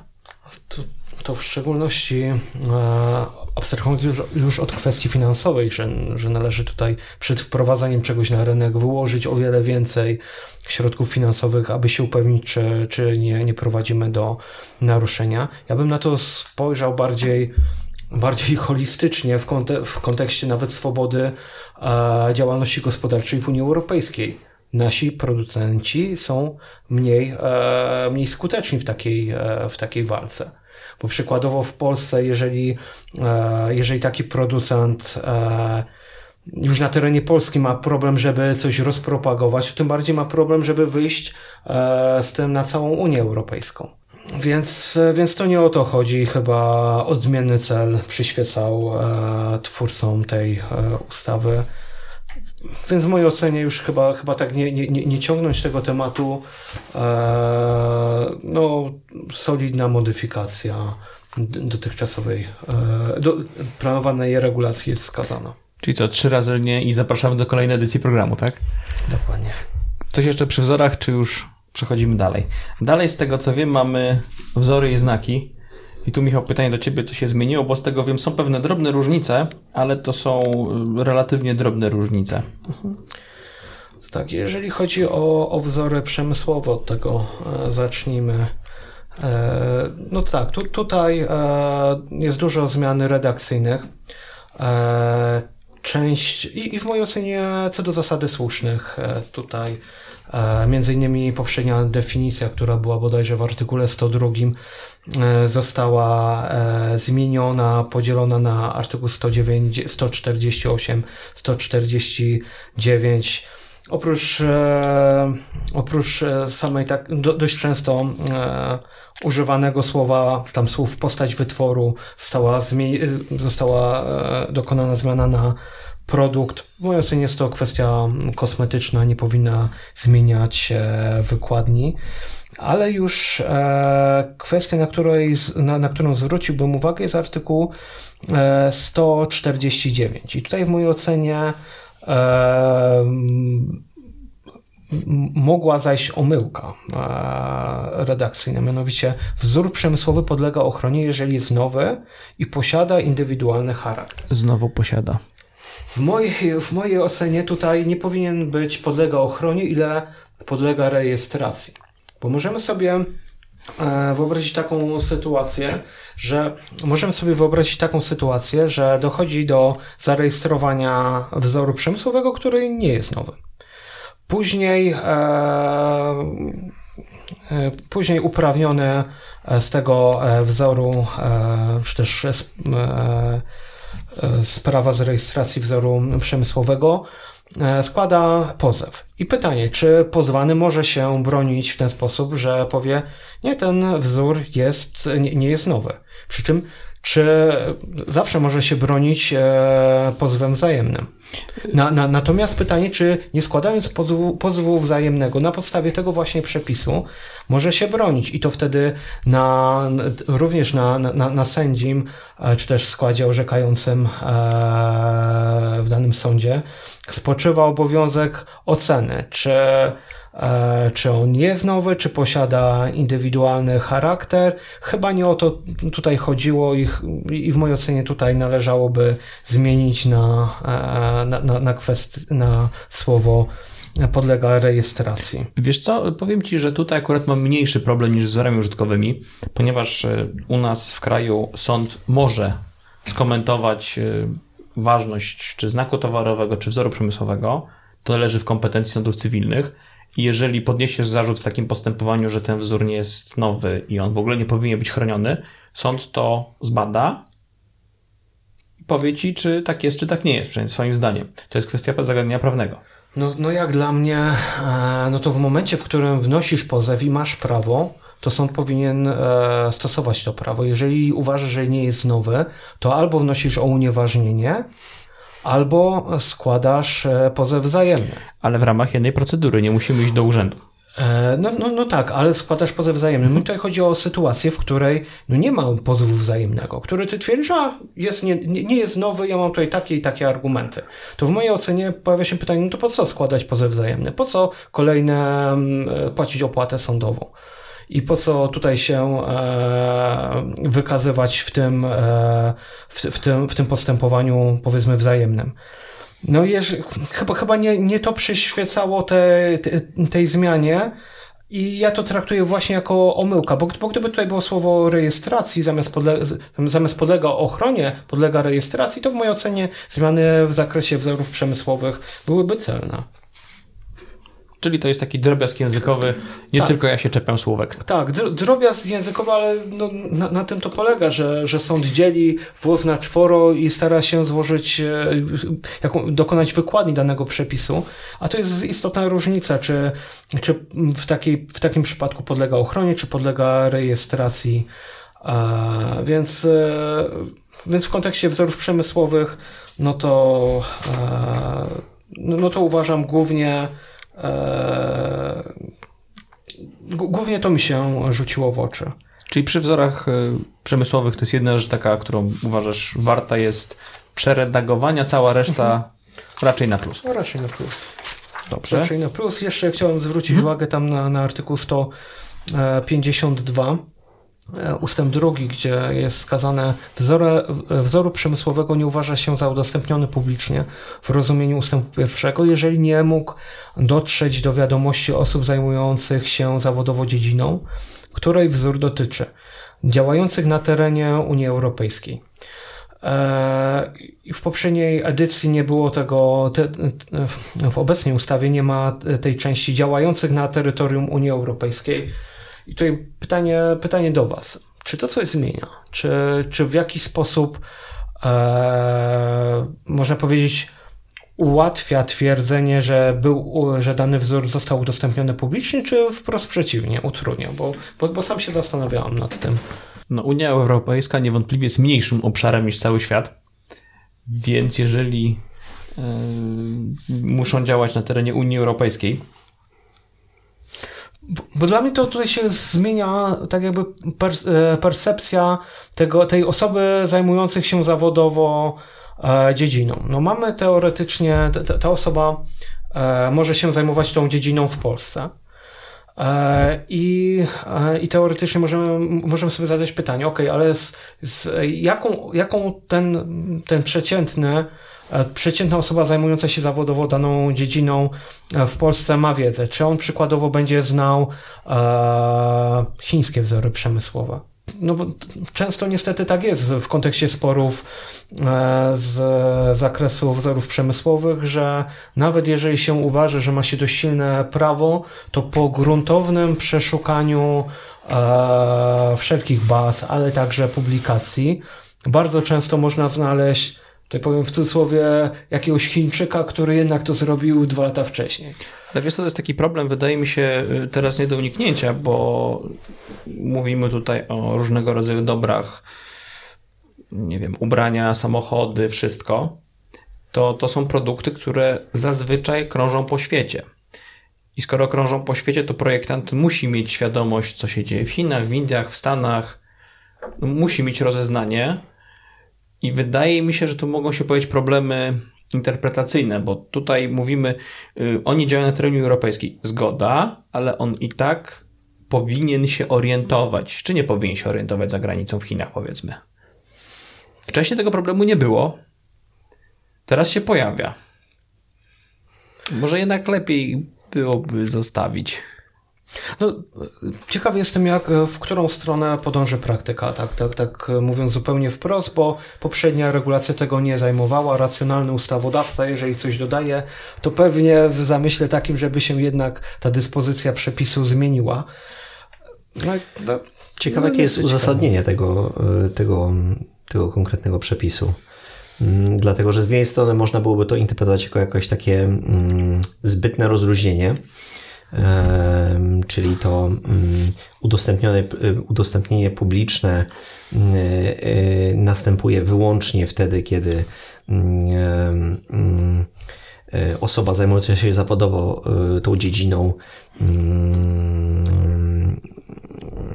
jakby nie otrzymała wiadomości, nie wie o, o, o istnieniu takiego wzoru przemysłowego, no to tutaj jakby dość dość e, rozluźniamy ten przepis, mm, ale z drugiej strony zastanawiam się, czy, to, czy na przykład ktoś nie myślał o tym, żeby mm, jednak uszczelnić ten przepis, chroniąc, chroniąc użytkowników mm, europejskiego rynku przed, e, załóżmy, jakimiś takimi e, aktami e, złej wiary e, z innych krajów. Na przykład e, w Chinach ktoś nagle wyciąga jakiś dowód, że jednak ktoś tam zna ten wzór przemysłowy. No nie oszukujmy się, Chiny są fabryką świata, żeby się okazało właśnie, że mm, jednak mm, jednak ten, ta sytuacja prawna nie jest taka mm, jasna dla użytkowników w Unii Europejskiej.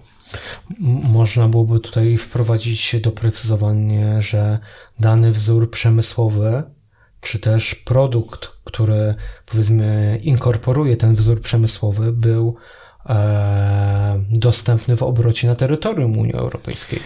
To w mojej ocenie, o ile oczywiście nie naruszałoby jakichś kon konwencyjnych e, postanowień, nie badałem tego w tym zakresie, ale może to byłoby rozwiązanie, które by pomagało chronić e, e europejskie zgłoszenia. Myślę, że tutaj nie mamy nic do gadania, bo tutaj uzasadnieniem takich zmian redakcyjnych jest harmonizacja z dyrektywą unijną.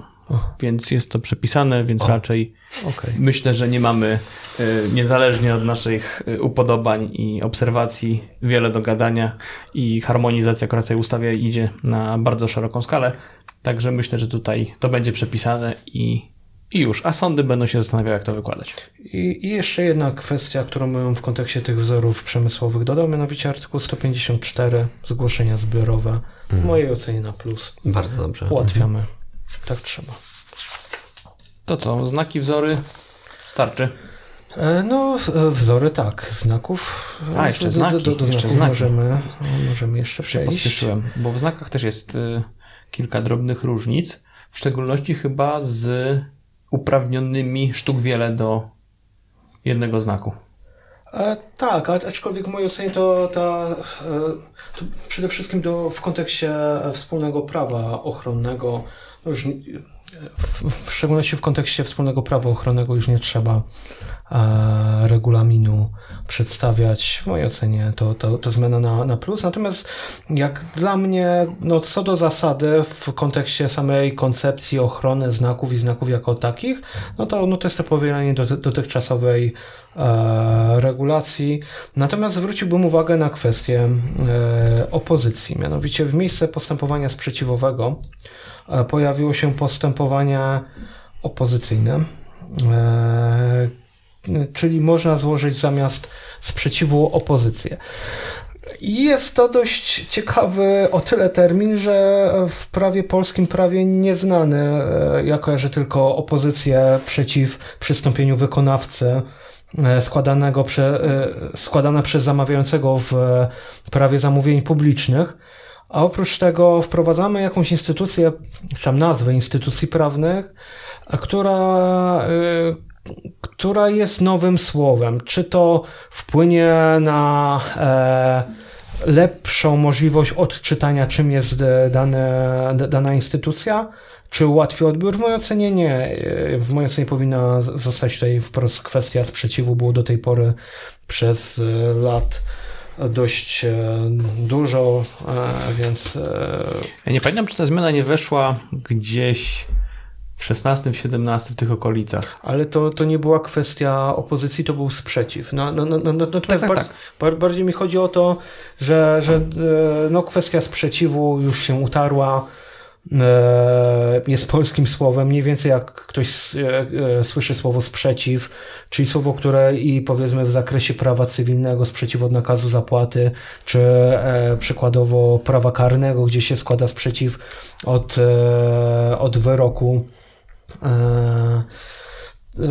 od, od wyroku nakazowego. Tak samo tutaj, powiedzmy, w tym postępowaniu e, również e, mogłaby dalej zostać. Zapewne e, twórcom tej, tej ustawy chodziło o zbliżenie do słowa opposition, które często jest, który jest stosowany w angielsko brzmiącej redakcji rozporządzenia regulującego E, prawa e, e, znaków towarowych Unii Europejskiej. Natomiast no, no ja mam tutaj bardzo mieszane uczucia. I kolejna kwestia, która też wiąże się z kwestią, z tematem opozycji, jest artykuł 205 ustęp 2 i 5, gdzie czas na złożenie opozycji jest to termin dwumiesięczny od dnia publikacji. Teraz jest 3, dobrze pamiętam? Tak, tak. Teraz, e, teraz jest 3, więc dla podmiotów, które są podmiotami zagranicznymi, z jednej strony e, jest to utrudnienie, ponieważ czasami samo przesłanie pełnomocnictwa jest dość czasochłonne. Już nie mówiąc o tym, żeby podmiot zagraniczny który na przykład może mieć siedzibę w Portugalii, e, dowiedział się o tym, że w Polsce, e, w Polsce ktoś zgłosił taki, a nie inny znak. W mojej ocenie także premiuje duże podmioty, e, które akurat w, w, w jednym aspekcie, a mianowicie podmioty, które badają systematycznie bazy zgłaszanych znaków towarowych, e, gdzie przykładowo tak jak e, my mamy tak zwane watchingi w, w kancelarii AOMB, które pokazują, e, czy, czy nie zachodzi jakieś zgłoszenie znaku towarowego, który mógłby naruszać prawa naszych klientów to w, to w takiej sytuacji e, osoby, które, które korzystają z takich łączników są w mojej ocenie premiowane. Natomiast na, natomiast na co chciałbym zwrócić uwagę, nie dość, że ob, skrócili termin do dwóch miesięcy, to liczy się data wpływu do, UPR, do UPRP danego, danej opozycji co również e, może być problematyczne, ponieważ e, no, Urząd Patentowy ma siedzibę w Warszawie. Osoby ze Świnoujścia mają ewidentnie trochę gorzej złożyć sprzeciw, a już osoby właśnie z Lizbony mają tym bardziej trudno, żeby złożyć taki sprzeciw, więc no tutaj oczywiście wyjściem jest złożenie w formie elektronicznej.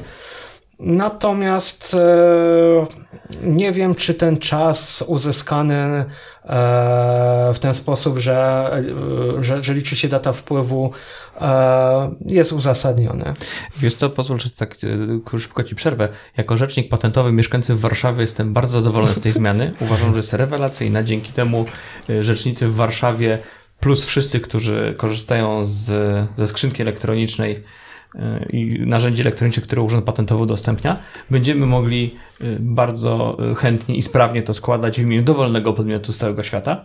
Także y, z punktu widzenia naszej Izby jest to super zmiana. Natomiast pytanie, czy celem ustawy jest zrobienie dobrze rzecznikom patentowym, żeby wszyscy musieli z nich korzystać, żeby się wyrobić w terminach, czy celem jest raczej, żeby to było sprawnie, ale dobrze?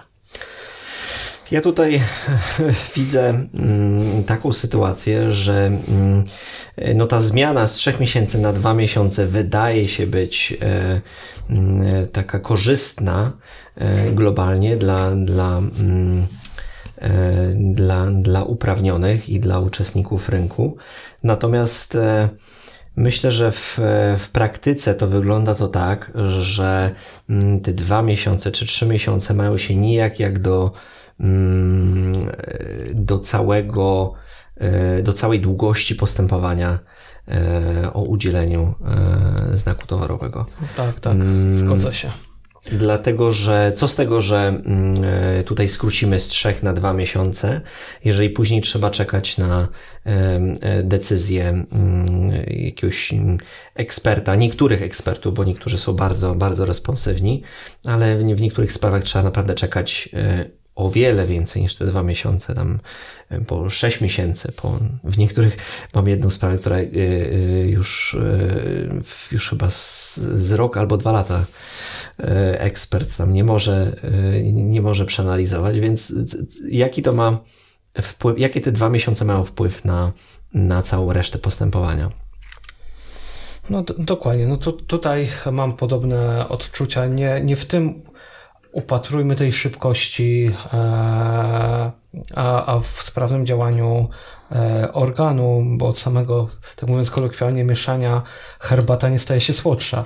Więc no, natomiast już odchodząc od, od tej kwestii, to, to, to jeszcze kilka kilka innych zagadnień, które, które należałoby poruszyć, a mianowicie brak dwumiesięcznego obligatoryjnego tak zwanego okresu cooling off, który od momentu, w którym zostanie wniesiony sprzeciw e, i e, i, momentu, w którym strona przeciwna uzyska informację o, e, o, o, o, tym sprzeciwie, jest jeszcze dwa miesiące na to, żeby, tak mówiąc, mówiąc potocznie, się dogadać. Jeżeli strony są zainteresowane, e, no to mogą e, bez problemu zgodny wniosek złożyć i przedłużyć ten okres, nazwijmy to, to na dogadanie się o kolejne 4 miesiące. E, no w, w obecnej regulacji tak nie ma. W obecnej regulacji strony mogą wnieść w terminie miesiąca wniosek o wyznaczenie tego dwumiesięcznego okresu na, na, na, na, na negocjacje. E, a później już e, sprawa zaczyna nabierać tempa. W mojej ocenie pozostawienie takiej elastyczności w postaci możliwości przedłużenia tego okresu byłoby wskazane, tym bardziej, że tak e, patrząc na praktykę, no, no często te pierwsze dwa miesiące no to jeszcze nie jest jakieś bardzo żwawe w, w kontekście obu stron na dogadywanie się, ale już później im bliżej końca tego czteromiesięcznego okresu e, to strony coraz e, chętniej prowadzą negoc negocjacje i, i, i, dochodzi albo i nie do, do, do jakiego rodzaju uzgodnienia stanowisk, jeżeli już przykładowo po, po, po trzecim miesiącu widać, że no nie, tutaj nie będzie ugody, to, to można jak najbardziej dalej kontynuować postępowanie. Oczywiście pozostają środki z KPA w postaci zgodnego zawieszenia postępowania. Natomiast e, w mojej ocenie no, no, no poprzednia regulacja e, miała swoje plusy. To powiedz mi w takim razie mhm. jeszcze, czy coś innego przy znakach jeszcze Cię tam e, zainteresowało, wzburzyło, czy może wręcz przeciwnie uważasz, są jakieś inne dobre zmiany, czy to najważniejsze kwestie i, i ze znaków to, to mniej więcej tyle? To znaczy, jeżeli chodzi o, e, o, o, znaki, no to jeszcze e, jedna kwestia bardziej ogólna, druga już tylko, tylko w odniesieniu do znaków, mianowicie chodzi o kwestię prekluzji e, dowodowej. I to w całym postępowaniu spornym tak, też tak, dalej tak. jest to przepisane. Tak, tak. Na, natomiast w tym postępowaniu. E, szybko ci przerwę. Czym jest pre prekluzja dowodowa? Jest to możliwość oddalenia bądź też niewzięcia pod, pod uwagę, oddalenia e, bądź też niewzię, niewzięcia pod uwagę twierdzeń bądź dowodów w sytuacji, jeżeli e, uczestnik danego postępowania nie zgłosi je w oznaczonym terminie. Więc, e, więc to jest, e, to, to jest moje, moje ocenie korzystne, jeżeli e, są spo, osoby, które, które prowadzą postępowanie i chcą je prowadzić, nie chcą się dogadać, to niech będą przygotowane na tą okoliczność, że muszą w oznaczonych terminach składać wnioski dowodowe i przedstawiać twierdzenie. Oczywiście czasami mogą pojawiać się okoliczności, które E, które się ujawnią już w toku e, tego postępowania. Wtedy strona taka musi, może ma, ma prawo do złożenia wniosków bądź też twierdzeń, niemniej e, musi je e, podnieść w terminie miesiąca od momentu, w którym, e, w którym weszła w posiadanie e, takich informacji.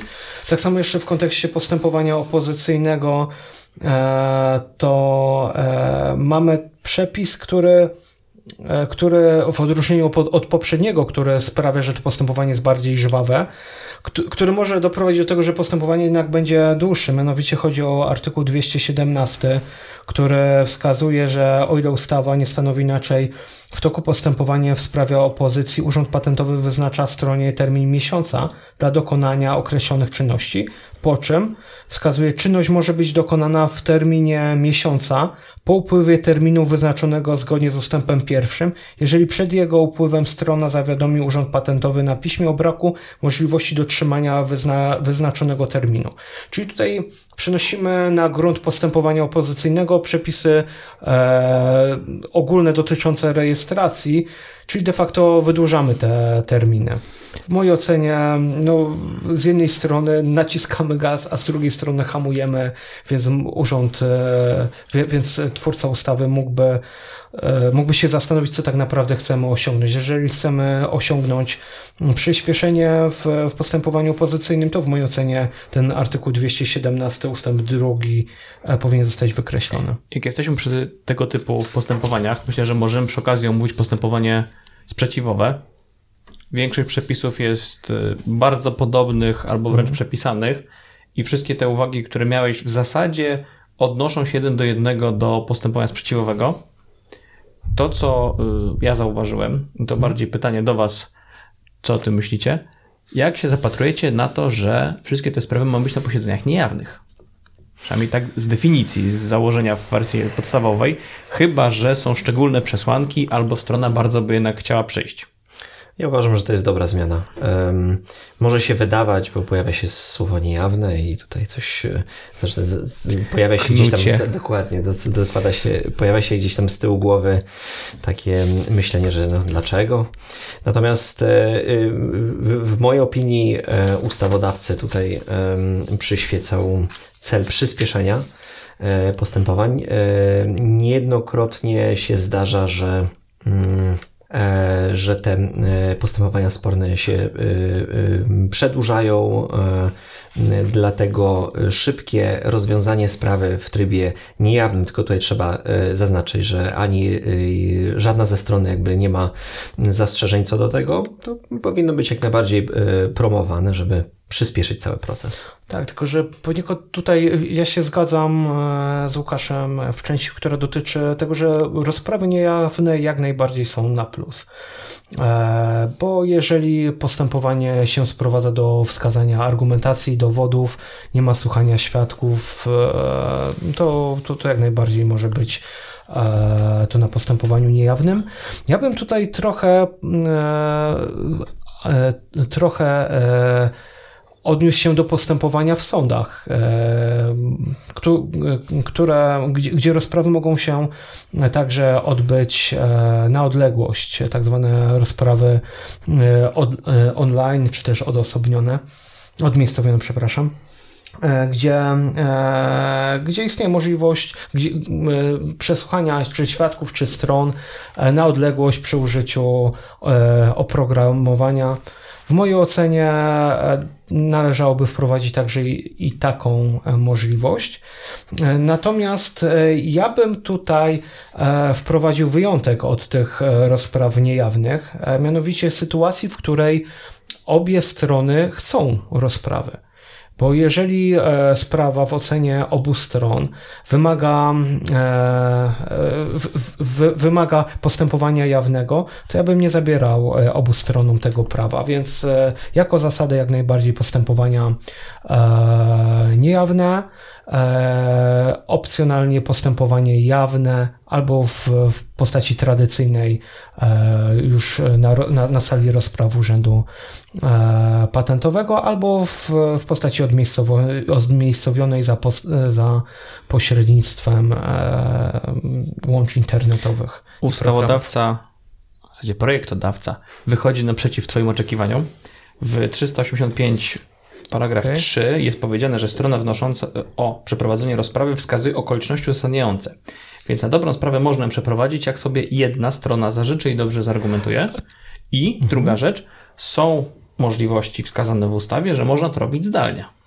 Okej. Okay. Co będę rozporządzenie mówi, jak, gdzie, dlaczego, w jakim trybie wszystko, ale jest to przewidziane. Okej, okay. natomiast sytuacja, w której e, ja mogę złożyć oczywiście na o, o, wniosek o, e, o rozprawę jawną, natomiast on nie musi być rozstrzygnięty pozytywnie.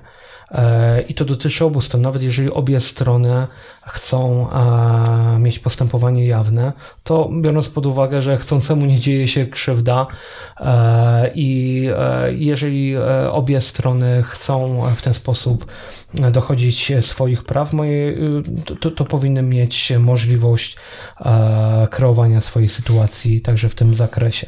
Odniósłbym się tylko do jeszcze jednej rzeczy. O ile jestem w stanie przyjąć argumentację, że przy wzorach przemysłowych czy znakach towarowych to postępowanie w formie papierowej jest wystarczające i to jest ocena czysto prawna na dobrą sprawę, to zastanawiam się, czy to jest dobre rozwiązanie w kontekście patentów wzorów użytkowych. W uzasadnieniu powiedziane jest, że wzorujemy nasze postępowanie, naszą procedurę na tym, co się dzieje przed EU i po. Zgoda. Natomiast czy sąd niemiecki, czy projektowany i za chwilę działający jednolity sąd patentowy, czy postępowanie sprzeciwowe y, w EPO. Wszędzie jest tak, że pismo, pismo, pismo, pismo, pismo. Rozpisaliśmy wszystko, co chcieliśmy rozpisać. Mamy jedną rozprawę, gdzie możemy podyskutować.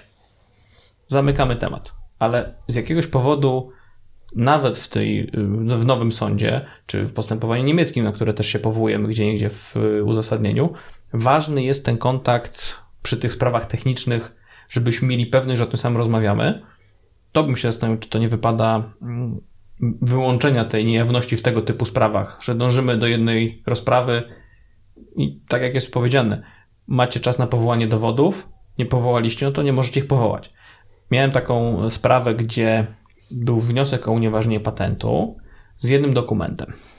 No, odpisaliśmy, po czym dostajemy kolejne pismo, pismo, pismo, rozprawa. Przed rozprawą dzień wchodzi pismo z trzema nowymi dokumentami podważającymi nowość, poziom wynalazczy i wszystko, co tylko można było. No więc no nie można było tej sprawy rozpatrzeć, no bo nikt y, kilkudziesięciu stron nie przyswoił w ciągu jednego wieczora. Odpisaliśmy, wymiana pism, kolejna rozprawa, kolejne jakieś tam sześć dokumentów na dzień przed rozprawą. No to powtarzamy i za czwartym razem udało się to skończyć, kiedy już na trzeciej rozprawie kolegium stwierdziło, że albo wszyscy się wypowiedzą ze wszystkim, co chcecie się wypowiedzieć, albo już w ogóle nie będziemy później rozpatrywać nowych dokumentów. Więc ta zmiana jest bardzo dobra, bardzo mi się podoba. Zastanowił się, czy patenty nie wymagają specjalnego potraktowania. I przy patentach jest jeszcze jedna rzecz, która mi się nie podoba. W zasadzie dwie rzeczy, które mi się nie podobają. Można złożyć ograniczenie w toku postępowania, ograniczenie zakresu ochrony patentu czy wzoru użytkowego jako drugie pismo w sprawie, w znaczeniu, że pierwsza strona chce unieważnić, ja jako uprawniony, ok, przyjmuję argumentację, chciałbym tyle mniej. To, czego im brakuje, to nie podoba mi się, że mogę tylko w jednym miejscu, bo może się okazać, że jakieś nowe rzeczy wyjdą, bo wcześniej można było ich powołać i wtedy już nie mogę. Druga rzecz jest taka, że brakuje mi rozmowy, tak jak jest w EPO, z ekspertami. Kiedy rozmawiamy sobie i ekspert powie, ja to widzę w ten sposób.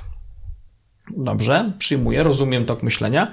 W związku z czym odpowiednio chciałbym ograniczyć, bo tyle mi można, drogi ekspercie, czy uważa, że już jest dobrze. Tak, moim zdaniem jest dobrze. I wtedy druga strona może powiedzieć, a moim zdaniem dalej jest źle, bo coś i rozmawiamy, wiemy, gdzie się znajdujemy. Ta instytucja ograniczenia patentu jest realnie użyteczna.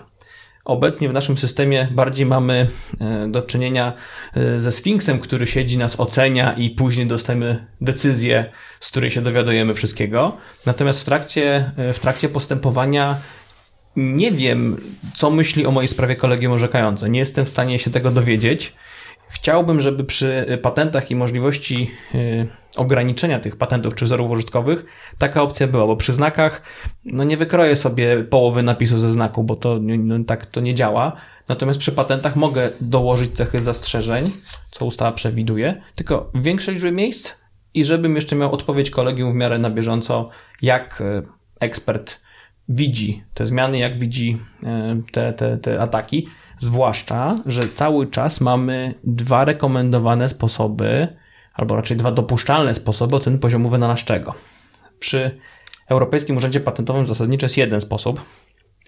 I jeżeli dobrze się ten sposób zastosuje, to nie mamy o czym rozmawiać, jest on akceptowany przez ekspertów z urzędu i, i jest to pewne. Natomiast tutaj e, w polskim postępowaniu nie ma w zasadzie sposobu przewidzieć, który sposób y, oceny poziomu wynalazczego ekspert przewidzi. Może wybrać dowolne i jest to wyłącznie jego kaprys, prawo, humor, czy po prostu jeden sposób woli bardziej od drugiego. Nie ma na to reguły, co dla mnie, jako uprawnionego, który w drugim piśmie musi zdecydować, co ja robię, nie jestem w stanie, albo w skrajnych przypadkach, nie będę w stanie przewidzieć, czy ten sposób da mi wynik i muszę się ograniczać, czy nie muszę, czy będę zaskoczony. To jest dla mnie pewnego rodzaju minus, który no myślę, że warto by się było do niego odnieść i odrobinę to zmodyfikować na korzyść posiadaczy praw, żeby te prawa były atrakcyjne, żeby zachęcić ludzi, ok, może rzeczywiście trochę za szeroko dostałeś, ale popracujemy, będzie dobrze. A nie, że składamy, wiesz, źle zrobiłeś, nie masz nic.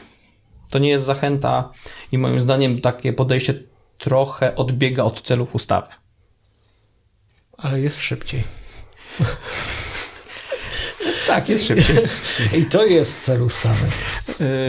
Obok zachęty do bardziej innowacyjnego podejścia. Nie, nie, ta, ta, ta, tak może troszeczkę ironicznie, ale ja się zgodzę z Tobą, Oskar, w zupełności. Samo ograniczenie sama możliwość ograniczenia nie, nie, powinno, nie powinna być aż tak restrykcyjna. Może, możemy postawić gdzieś barierę, że nie wiem, do nie wiem, drugiego, drugiej wymiany pism, przykładowo. E, ale więc tutaj na pewno bym uelastycznił. Co do kwestii rozróżnienia pomiędzy postępowaniem jawnym i udziałem eksperta w postępowaniach patentowych i, i w kontekście na przykład znaków towarowych, to rzeczywiście nie możemy sobie ograniczyć znaku towarowego, że sobie coś, coś wykroimy. Ale wzoru przemysłowego. Ale możemy na przykład kategorię towarów usunąć. I to już jest argument, gdzie biorąc pod uwagę, że spodziewam się rozstrzygnięcia e, eksperta, który powie, no nie, tej kategorii towarów to wy nie obronicie, ale co do reszty, to, to jak najbardziej to może e, taka możliwość porozmawiania z człowiekiem i, e, i uzyskania takiej informacji, jak się, takiej wstępnej oceny, może jeszcze nie wiążącej, E, no to mo może mo można byłoby się zastanowić nad wprowadzeniem swego rodzaju sygnalizacji. Zwłaszcza, że w postępowaniu cywilnym już od jakiegoś czasu sędziowie mają możliwość wypowiedzenia się na temat sprawy, co im się na tym etapie postępowania wydaje, jak oni to widzą. Oczywiście nie muszą z tego prawa korzystać, ale nie jest to coś sprzecznego z procedurą, gdzie obecnie sędzia powie: Wydaje mi się, że raczej jest naruszenie i może by strony chciały się porozumieć ze sobą tak delikatnie, delikatna sugestia, żeby jednak ten y, naruszyciel y, po dobroci zadziałał z własnej inicjatywy, a nie żeby sąd tutaj działał y, i uszczęśliwiał wszystkich samodzielnie według własnego uznania. I tak jak mówisz, to może rzeczywiście fajnie by było, gdyby w każdej sprawie takie narzędzie było, że kolegium powie, co, co wstępnie chociaż uważa, no nie oczywiście nie musi to być wiążące, bo postępowanie no, może doprowadzić do tego, że kolegium zmieni zdanie wiadomo, ale dobrze było, żebyś wiedział na czym, na jakim terenie się poruszasz i w jakim obszarze potencjalnego rozwiązania sprawy jesteś. No tak, z, z jednej strony to, to, to, to, rzeczywiście, szczególnie w tym postępowaniu ma, e, ma sens, e, gdzie mamy ustalić prawo, które będzie trwało przez 10 czy 20 lat, albo, albo jeszcze więcej. No, przy znakach to przy, teoretycznie przy znakach. nieskończenie długo. E, przy akurat w kontekście e, spraw sądowych ja nie, nie, nie, do końca jestem zwolennikiem tego e, i może popadam tutaj troszeczkę w sprzeczność, ale niekoniecznie jestem zwolennikiem, e, szczególnie na początkowym etapie sygnalizowania poglądu przez sędziego, ale w kontekście właśnie spraw spornych w urzędzie patentowym w mojej ocenie można byłoby co najmniej rozważyć i przedyskutować możliwość tak, takiej, e, takiej informacji, e, co uważam, że w tym momencie zostało wykazane bądź niewykazane, bądź co podlega ochronie, a co nie podlega, a co w ocenie eksperta, jakie zastrzeżenie, wprowadzone zastrzeżenie, czy jakie zmiany w zastrzeżeniach umożliwiłyby szybkie zakończenie sporu to żebyśmy już nie, e, nie wchodzili bardziej w szczegóły, pytanie do znaków, czy coś jeszcze chcemy omówić, i do postępowań opozycyjnych czy sprzeciwowych, bo wydaje mi się, że takie najważniejsze kwestie chyba... Chyba była koncyliacja. A to koncyliacja to jest osobny byt. Znaczy on jest mhm. uregulowany w podobnym miejscu, ale, e, tak, ale tak. jest osobnym bytem. Pytanie do Was, czy w ogóle potrzebujemy osobnych regulacji prawnych po to, żeby w ogóle mediować ze sobą. Nasz ustawodawca w tej ustawie na przykład usunął projekty racjonalizatorskie, stwierdzając, że przedsiębiorca nie potrzebuje mieć e, przepisów ustawy, żeby samodzielnie ustanowić regulamin, który mówi, na jakiej podstawie pracownikom wypłaca pieniądze. Więc te przepisy przestały istnieć. E, I pytanie, czy postępowanie koncyliacyjne, gdzie no, możemy obecnie sami przez mediatora próbować rozmawiać o sporze, czy jest nam potrzebne dodatkowe, dodatkowe artykuły, żeby to uskuteczniać? Znaczy, ja mam wrażenie, że to jest e, dobry sygnał. Na pewno nie jest to, e, na pewno nie byłaby to zmiana na, na gorsze. Ciekawe, jak to w praktyce będzie wyglądać, dlatego że ktoś jednak to postępowanie koncyliacyjne będzie musiał prowadzić. E, czy się I znajdą. I odpłatnie. No właśnie, no właśnie, czy znajdą się tacy mediatorzy, czy będą dobrze wynagradzani? E, dlatego, że no, co do zasady wydaje mi się, że e, jest to w interesie i, e, i stron sporu, e, no i ogólnie jakby społeczeństwa, żeby, żebyśmy się nie skupiali na sporach. Wiem, że to tak bardzo górnolotnie zabrzmi, ale ale no ci, którzy wiedzą, e, to wiedzą, że no postępowania się dłużą, e, to jest drogie. Mm, po co się męczyć, skoro mm, no tutaj w mm, kolegium na przykład orzekające do spraw spornych mogłoby wskazać, że no, szanowni państwo, no wygląda na to, że moglibyście się dogadać, czy chcecie się dogadać, no i wtedy nie przedłużamy całego postępowania. Mhm. No, ja mam mieszane uczucia. Eee, i, bo z jednej strony ustawodawca likwiduje E, ten okres e, w kontekście na przykład z znaków to, e, towarowych, w cudzysłowie okres na, na, na negocjacje, na dogadanie się. Z drugiej strony wprowadza instytucję koncyliacji. E, czyli z jednej strony e, utrudnia możliwość dogadania się samodzielnego, a z drugiej strony wprowadza instytucję, która ma ułatwić. I też w mojej ocenie nie do końca chyba szczęśliwą, ponieważ E, ja bym tutaj bardziej widział klasyczne negocjacje, jeżeli już e, dochodziłoby do jakichś e, kwestii związanych z alternatywnymi metodami rozwiązywania sporu, to bardziej bym widział negocjacje, ponieważ tutaj mamy postępowanie, w którym teoretycznie obie strony muszą zapłacić za to postępowanie. To postępowanie musi trochę trwać. Mamy, mamy powołane osoby, które będą prowadziły to postępowanie. Możliwa jest wymiana tutaj pism, e, przy czym ta osoba w pewnym momencie wydaje swoje, swój taki, taki quasi e, wyrok. Mówię to swój pogląd, gdzie wskazuje, że, że, że przykładowo e, sprzeciw jest niezasadny.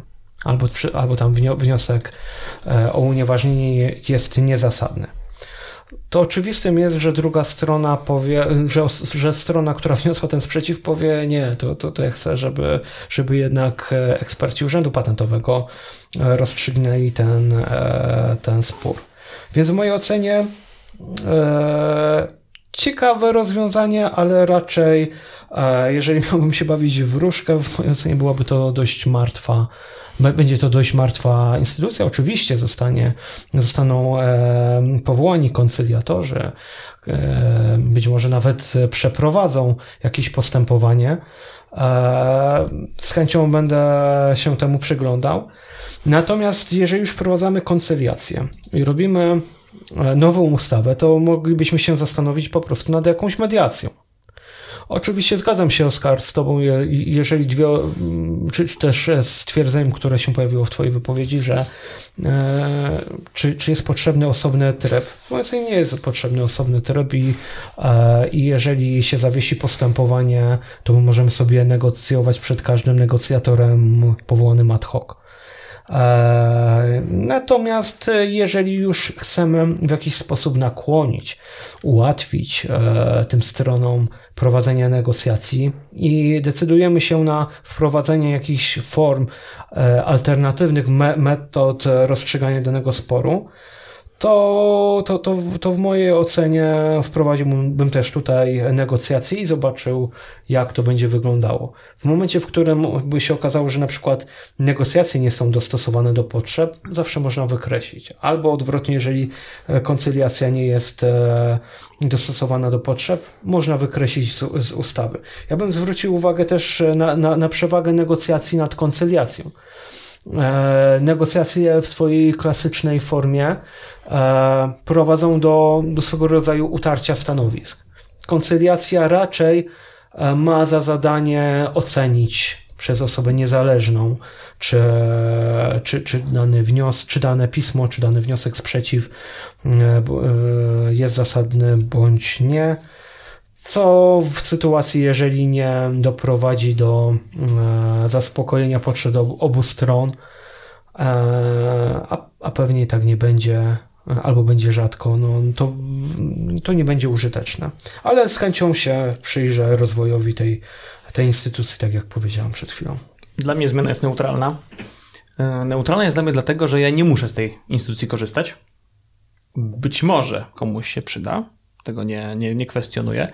Natomiast podobnie jak ty jestem tutaj człowiekiem małej wiary i nie widzę stosowania, w uzasadnieniu z tego co pamiętam było to wzorowane na, wydaje mi się, japońskich regulacjach, tak mi się kojarzy i tam w uzasadnieniu było powiedziane, że w Japonii właśnie jest to, chętnie z tego ludzie korzystają i te spory są jakoś rozpatrywane w tym trybie.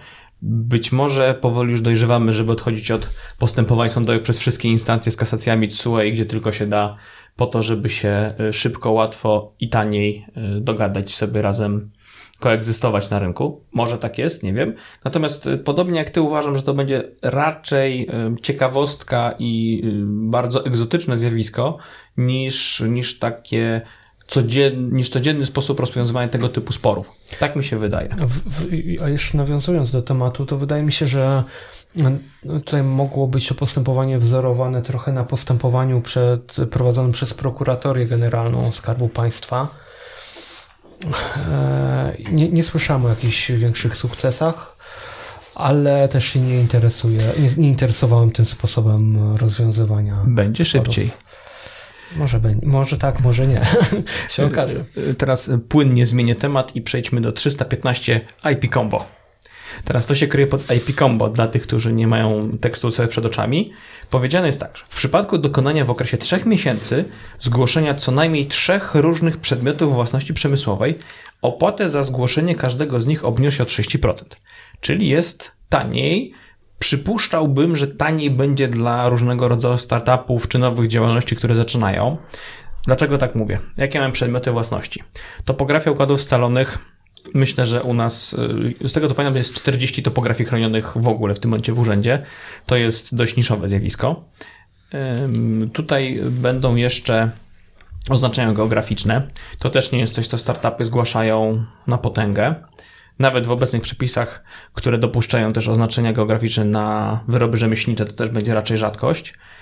Zostaje nam, co nam zostaje tak naprawdę? Albo wzór przemysłowy, albo wzór użytkowy, albo ubiegać się o patent albo znak. Czyli to są realnie cztery rzeczy, które w praktyce będzie można chronić. Pytanie, czy pod to podlega będzie też depozyt. Chociaż wydaje mi się, że nie powinien. Ale w, w mojej ocenie ra, raczej nie powinien, ponieważ, ponieważ to nie jest przedmiot własności przemysłowej. No to raczej instytucja, te, te, ten, taki notariusz to, nazwijmy tak, to. Tak, tak, tak, bardziej taka instytucja wspierająca. E, no omen w mojej ocenie słuszna, ale od, do tego pewnie przejdziemy.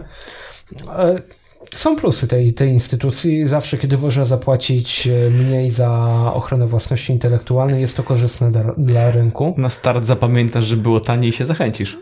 Na, natomiast ja się zastanawiam, czemu właśnie to jest wskazanie na co najmniej trzech różnych przedmiotów własności przemysłowej.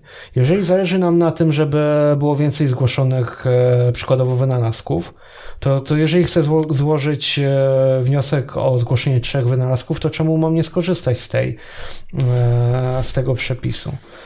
Tak, tak samo ze znakami towarowymi. Jeżeli wypuszczam nowy produkt na, na rynek, chcę sobie zarejestrować przykładowo jak, jakiś znak E, graficzny, plus do tego znak słowny i plus do tego na przykład e, wzór przemysłowy, to czemu, czemu nie mogę z tego skorzystać? Zachęcam cię do innowacyjności.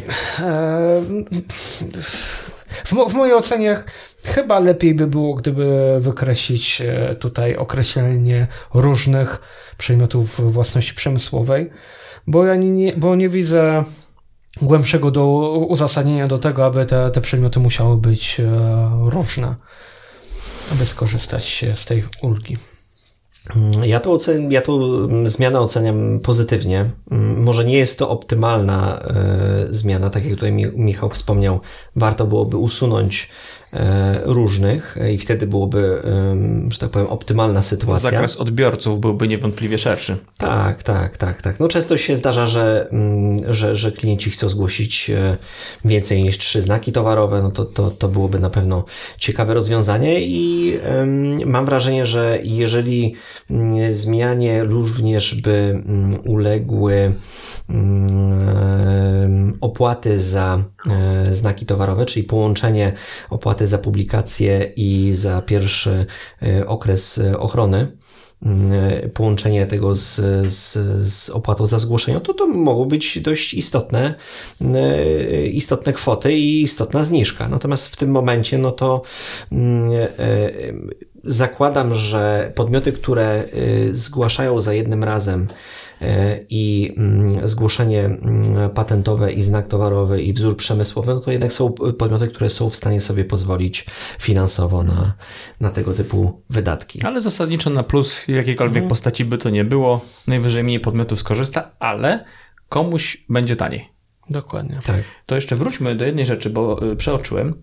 Oznaczenia geograficzne na rzeczy nierolne. Nierolne. Mhm. Co ty myślicie? Bo w nowelizacji napisano, że poprzednia instytucja y, oznaczeń geograficznych krajowych w zasadzie była martwa ze względu na regulacje unijne, które y, chroniły takie rzeczy na poziomie właśnie unijnym. I w naszym kraju w zasadzie wszyscy mieli to chronione unijnie i to było takie dość martwe. I teraz wprowadzono właśnie ochronę no, rzemiosła, tak na dobrą sprawę. Co mi powiecie na ten temat? Macie jakieś przemyślenia, czy raczej niszowa rzecz? W mojej ocenie, żeby, żeby ocenić ten, to, tą kwestię, to należałoby chwilę poczekać, bo, bo w tym momencie jest mi dość trudno e, zająć jednoznaczne stanowisko. E, można powiedzieć, poczekam i popatrzę, zobaczymy, jak to będzie funkcjonować. E, nie jestem przeciwnikiem, mamy kolejne mm, prawo, które może pomóc polskim e, podmiotom. E, natomiast też nie mamy jasno sprecyzowanego zdania na ten temat. Ja do tej pory odbierałem ten, e, tą, sytuację w taki sposób, że um, oznaczenia geograficzne, które miały dotyczyć um, wytworów rzemiosła, e, to jest, e, to jest inicjatywa um, EUIPO, jeżeli dobrze zrozumiałem, to nie jest nasza lokalna inicjatywa.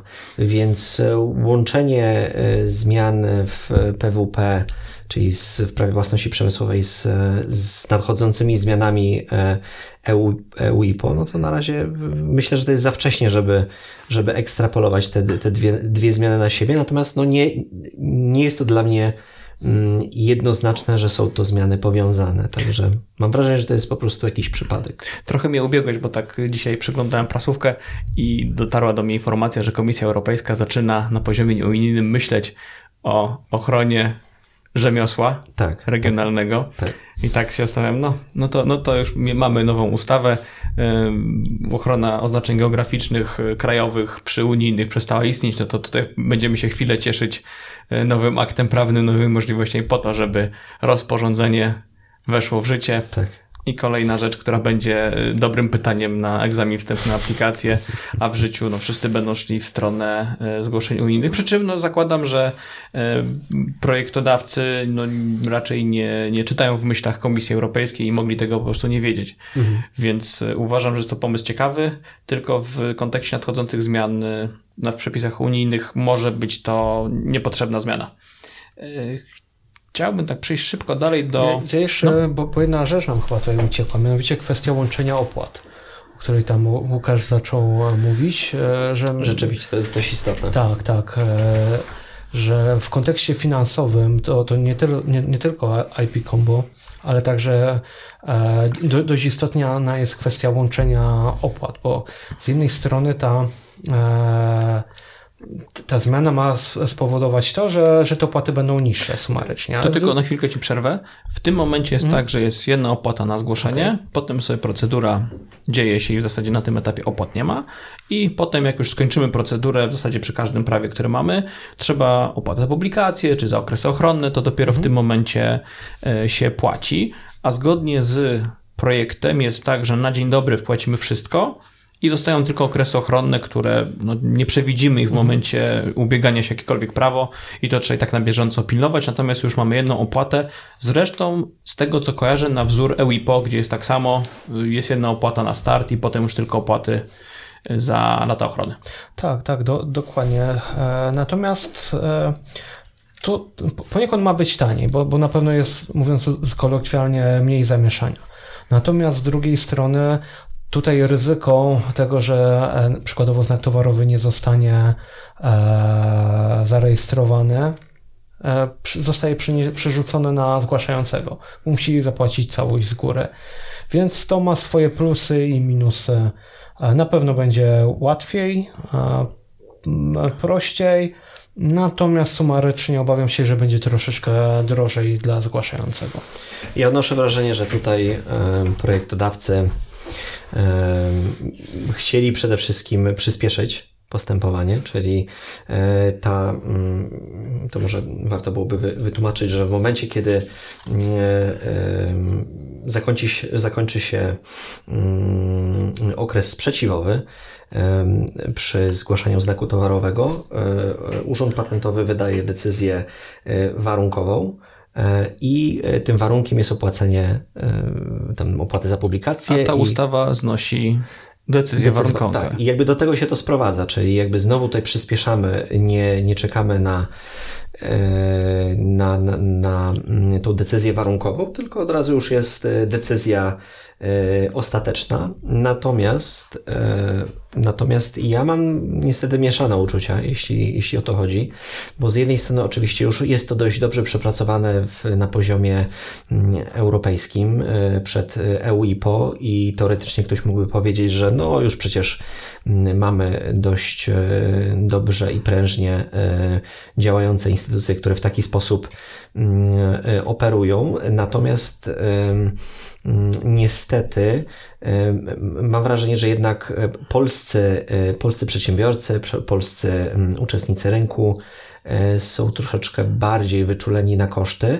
E, no i takie połączenie tych wszystkich opłat jednak będzie ich zniechęcać. I jeszcze jeden argument, który chciałem podać, to jest to, że mm, e, akurat w EUIPO ta kwota jest połączona, jest wyższa niż w Polsce, natomiast pamiętajmy, że to jest wtedy znak towarowy unijny, jest nadawany na 10 lat dla wielu krajów. Także ostatecznie, jak człowiek sobie pod, podliczy, to jest to o wiele, o wiele tańsze i wtedy bym faktycznie namawiał klientów na znak towarowy unijny, natomiast w Polsce jednak wolałbym, żeby, e, żeby e, klienci mieli do wyboru wersję tańszą. No jakby, jakby mhm. inaczej tego nie jestem w stanie nazwać, po prostu tańszą. Wydaje mi się, że w uzasadnieniu e, była mowa, że te opłaty sumarycznie będą trochę niższe niż teraz. Tak mi chodzi po głowie, przy czym dopóki nie zobaczymy rozporządzeń, to niczego nie będziemy wiedzieli. Na gruncie ustawy myślę, nie ma co tego komentować, bo, no, bo to jeszcze poczekamy dłuższą chwilę, zanim, zanim cokolwiek się y, konkretnego pojawi. Idziemy dalej? Tak, jak najbardziej. Krótka rzecz. Znika biuletyn Urzędu Patentowego. Na plus. No ja to z wielką lubością przeglądam. Nie wiem, czy tutaj popełnię jakieś fapa, ale ja chyba ani razu nie otworzyłem tego biuletynu. Jak nagrywam kącik kreatywny, to bardzo żwawo przeglądam i wiadomości, i biuletyn. Także, znaczy z jednej strony będzie dla mnie wygodniej, bo będę mieć jeden PDF do otwarcia, nie dwa. Natomiast wydaje mi się, że to zmiana czysto techniczna i ona tak, w żaden tak. sposób nie wpływa. A co więcej, publikacja znaków towarowych na stronie myślę, że szybciej ktoś zajrzy na stronę niż do biuletynu. Tak. Y, kolejna rzecz, to jest też taki drobiazg, ale y, znaczy ja wiem, że on się wpisuje w, w inicjatywę przyspieszenia wszystkiego, ale w obecnym PWP jest tak, że podmiot krajowy ma miesiąc, przynajmniej na odpowiedź na pismo z urzędu. Podmiot zagraniczny ma dwa miesiące, czego uzasadnieniem jest to, że zanim to pismo dotrze, zanim się dogadamy, skontaktujemy, tam z reguły jest pełnomocnik lokalny, który jeszcze przekazuje klientowi i ten łańcuszek y, przechodzenia informacji jest dłuższy, plus tłumaczenia, on trwa. Potem powiedziane jest też w ustawie obecnej, że urząd może ten termin przedłużyć o 3 miesiące maksymalnie, czyli może mieć 4-5 miesięcy, a potem ja jako yy, pełnomocnik czy jako strona mogę jeżeli wykażę, że mam problemy z dochowaniem terminu i wskażę te przyczyny, mogę jeszcze sobie ten termin przedłużyć o dwa miesiące, czyli dochodzimy realnie do, yy, przy podmiotach zagranicznych do miesięcy 7, jak dobrze liczę. I teraz w nowej propozycji ustawy jest, że nie muszę podawać przyczyny, po prostu składam pismo, że się nie wyrobię i chciałbym dwa miesiące później. Natomiast zniknął, zniknął, zniknęło rozgraniczenie na podmioty krajowe zagraniczne, już nie mam dwumiesięcznego terminu na e, komunikację i rozmowę z klientem zagranicznym, co według mnie jest e, rozumiem ideę przyspieszenia, natomiast problemem jest to, że te dwa miesiące rzeczywiście się przydają. I często jest tak, że zanim klient zagraniczny się zdecyduje, zanim dojdzie jakieś tłumaczenia, zanim się dogadamy, to trwa i te dwa miesiące bywa, że to jest krótko, zwłaszcza jak bierzemy y, strefy czasowe, różnego rodzaju święta, które wpadają po drodze, one oczywiście są w różne dni, to dwa miesiące się naprawdę przydają. I to jest dla mnie taka zmiana drobna, ale może mogą być sytuacje, kiedy i tak trzeba będzie y, dużo częściej niż teraz wnioskować o, o przedłużenie. Tak mi się wydaje przynajmniej, na, jak tak y, sięgam pamięcią do kontaktów z klientami zagranicznymi. Ja się zgadzam e, z Tobą, Oskar. Te, te, te dwa miesiące były uzasadnione. Z drugiej strony można powiedzieć, że technologia idzie do przodu. Już teraz e, wysłanie maila e, zajmuje o wiele mniej czasu niż jeszcze 10 jest, i jest bardziej dostępne niż jeszcze 10 lat temu było. No, na, natomiast jeszcze wracając do, do, do kwestii terminów, to także z, i ogólnie do kwestii akurat e, e, w tym przypadku wniosku o ponowne rozpoznanie. No tutaj ma, mamy modyfikację w artykule 350, mianowicie wniosek o ponowne rozpoznanie e, można złożyć e, w terminie miesiąca od, e, od dnia otrzymania decyzji. Przy czym uzasadnienie można dosłać w terminie miesiąca od dnia złożenia wniosku o ponowne rozpoznanie. Zastanawiam się nad, e, nad e, sensem e, takiego podziału. Myślę, że w kontekście tego, co mówisz, szczególnie podmiotów zagranicznych i likwidacji dwumiesięcznych przykładowo termin, chociaż on akurat tutaj by nie miał w wniosku ponowne rozpoznanie zastosowania, no to w, szczególnie w kontekście podmiotów zagranicznych może się przydać. Wiesz co, WEPO jest takie rozwiązanie, gdzie mogę złożyć sprzeciw na, na udzielony patent. Wtedy muszę dostać w terminie podstawy mojego sprzeciwu, natomiast argumentację, uzasadnienie, wszystko, wszystko, wszystko mogę dostać później. Jest, działa i po prostu jest to jedno rozwiązanie z wielu. Także tutaj zmiana, myślę, nie jest jakoś szczególnie negatywna w tym momencie w takim brzmieniu. Nie, nie, to tutaj nie mówię, że to jest zmiana negatywna, po prostu jest zmiana. Jest zmiana. E, to jest, e, Oskar, coś, co mi przyszło do głowy właśnie, że WEPO jest bardzo podobne rozwiązanie, tylko że warto byłoby tutaj zwrócić uwagę, że w Twoim, e, w, przy, w przykładzie, który Ty podałeś, no to tu jest dosłanie, e, tam było opposition, tak? Było sprzeciwu. Mm, dosłanie sprzeciwu, czyli tutaj z praktycznego punktu widzenia faktycznie tak wygląda, że mm, mm, sprzeciwiający się ma dodatkowy czas, żeby, żeby zebrać dowody, przygotować konkretne pismo.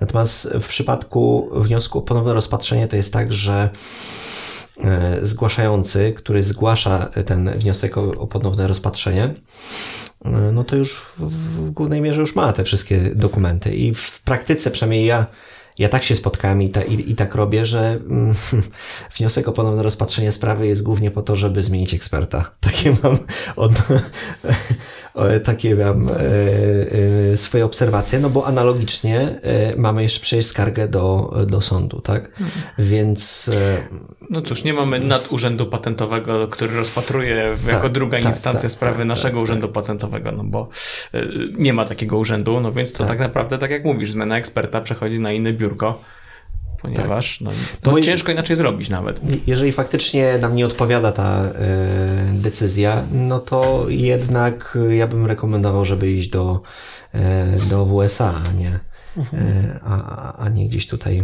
inwestować. No, no, tak, tylko że, że w USA to z kolei jest już rygoryzm formalny o wiele większy. Tak chyba mimo wszystko dłużej trzeba czekać na, na mhm. rozstrzygnięcie i poza tym osoba odwołująca się traci jedną szansę, tak? To prawda. Mówiąc kolokwialnie, na, na skuteczne podważenie tej pierwotnej e, decyzji. Mamy wybór, tak czy inaczej, więc tak, tak tutaj tak, tak. nie jest to w żadnym razie szkodliwe. Jeżeli uprawniony nie chce, no to nie musi korzystać. Tak. I ja jeszcze tutaj bym e, zwrócił uwagę na, na, na jeden przepis, który który wydaje się dość e, taki niepozorny, a może istotnie ułatwić e, pracę rzecznikom. Chodzi o 335 ustęp 6 w przypadku osoby zagranicznej złożenie dokumentu e, wykazującego umocowanie innego niż pełnomocnictwo albo jego uwierzytelniony odpis nie jest wymagane także, gdy umocowanie zostało potwierdzone przez ustanowionego w sprawie adwokata, radcę prawnego, rzecznika patentowego lub osobę świadczącą usługi transgraniczne. E, oświadczenie, e, oświadczeniem o reprezentowaniu zgodnym z przepisami obowiązującymi w miejscu sporządzenia dokumentu pełnomocnictwa. Więc w mojej ocenie to, to, to, to powinno e, uprościć e, sytuację, w której chcemy uzyskać koniecznie odpis KRS-u z odpowiedniku KRS-u w kraju, gdzie, gdzie taki rejestr nie jest prowadzony, więc w mojej ocenie jest to istotne ułatwienie. Ja bym tutaj dał może kontrowersyjną myśl pod rozwagę, może przy walidacjach w ogóle zrezygnować z pełnomocnictwa, jak w wielu krajach europejskich do tej pory jest. I no, wiadomą rzeczą jest, że jeżeli zgłasza się do urzędu pełnomocnik z tłumaczeniem, czyli działa na korzyść i chce zapłacić, to nie robi tego z dobroci serca, tylko ktoś go zobligował do tego, jakaś umowa międzystronnictwa zawarta. Problem się pojawia wtedy, kiedy trzech pełnomocników składa trzy razy różne dziwne rzeczy na to samo zgłoszenie. Nie podejrzewam takiej sytuacji, natomiast y, to, co mówisz, y, zdarzają się problemy i trzeba je dosyłać później w ramach naprawiania błędów formalnych, bo idzie pocztą, musi mieć w końcu fizyczne, bo tam podpisy elektroniczne w niektórych krajach nie są wiarygodnym źródłem, nie ma e, KRS-u, różni prezesi też nie zawsze mają czas, więc jest to taka mm, drobna, kłopotliwa rzecz, która w wielu krajach europejskich nie jest wymagana i ten system działa tam i funkcjonuje, więc może warto by było chociaż na potrzeby walidacji, które generują najwięcej problemów, zastanowić się w ogóle nad zrezygnowaniem z pełnomocnictwa. No i to, to jest dość, e, wiem, od, odważne. odważne twierdzenie. E, i, I nie wiem, czy nie trochę e, za daleko idące w kontekście e, w kontekście ogólnie całego systemu prawa polskiego. E, natomiast jest to kwestia jak najbardziej do, do, do otwarta i do rozważenia. natomiast dziwiłbym się, gdyby, gdyby w ustawie pojawiła się okoliczność taka, że nie jest wymagane pełnomocnictwo. Bardziej już e, e, widziałbym opcję, nie jest e, wymagane złożenie pełnomocnictwa, e, do akt sprawy, ale jest wymagane na każde żądanie podmiotu rozpatrującego. Czyli wychodzimy z domniemania, że... E, że jest się umocowanym. Tak, tak, że jest się umocowanym, ale gdy zachodzi jakakolwiek wątpliwość, w ciągu przykładowo miesiąca, tygodnia, to, to, to, już jest kwestia do ustalenia, masz dosłać prawidłowe pełnomocnictwo. Może w ten sposób. Pozwól mi mieć marzenia. Chciałbym wierzyć, chciałbym liczyć na to, że jakieś to się spełni, aczkolwiek jak... E, Trzymam kciuki. Ta, jak serce przestaje tutaj dochodzić do głosu, a rozum się pojawia, to wiem, że to nie, nie ma raczej szans na realizację, a przynajmniej nie w najbliższym czasie. Czy ja, ja, jeżeli dobrze rozumiem, to pełnomocnictwo jest na tyle, instytucja pełnomocnictwa jest na tyle ugruntowana w prawie polskim, że ciężko byłoby z tego mm. zrezygnować. Czyli innymi słowy, rozumiem, że ustawodawca Pols Polski zakłada, że e, profesjonalni pełnomocnicy e, działają e, również nie z powodów profesjonalnych i sobie zgłaszają e, wynalazki i walidują e, patenty za darmo dla ludzi, których nie znają. No cóż, mamy różne dziwne hobby, różne sposoby spędzania czasu. Niektórzy może tak. lubią w ramach tej pasji tłumaczyć zgłoszenia patentowe i za darmo składać je w, w Urzędzie Krajowym. Otóż to. Wiecie co, chciałem teraz przejść jeszcze dalej, jak już tak sobie gdybamy. Co myślicie o kwestii jawności dokumentów postępowania, w szczególności patentowego, dla każdego? Bez uzasadnienia, bez bycia stroną, bez bycia prokuratorem, po prostu wisi na stronie, wchodzę, oglądam co się dzieje. Jak jest w EPO, jak jest w Stanach Zjednoczonych, bo tam też można to spokojnie podejrzeć, i tam każdy, kto ma ochotę i zna numer sprawy, nawet nie musi znać numeru sprawy, wystarczy, że zna podmiot, czy cokolwiek, co, co tą sprawę mi zlokalizuje, mogę przejrzeć wszystko, co się działo, wiedzieć, czy ta sprawa żyje, nie żyje, w jakim jest stanie, czy liczyć, że to będzie raczej to, co zostało publikowane, udzielone, czy jest tak źle, że to jak cokolwiek będzie, to, to będzie dobrze. A pytam pod tym kątem, ponieważ, cóż, mając y, instytucję zawieszenia postępowania, jestem w stanie prowadzić postępowanie przez 20 lat i przez te 20 lat mogę straszyć y, ludzi, że może ja to nie, ale klient, którego będę reprezentować, że jak tylko dostanę patent, to się zgłoszę. I przez 20 lat mogę przychodzić. I pytanie, czy nie warto się też zastanowić nad tym, czy y, ujawnienie tego nie, nie byłoby w jakiś sposób korzystne. Na wzór właśnie EPO czy, czy Sanów. Jak zacząłeś to pytanie, to właśnie się zastanawiałem, czy dodasz tak jak w EPO.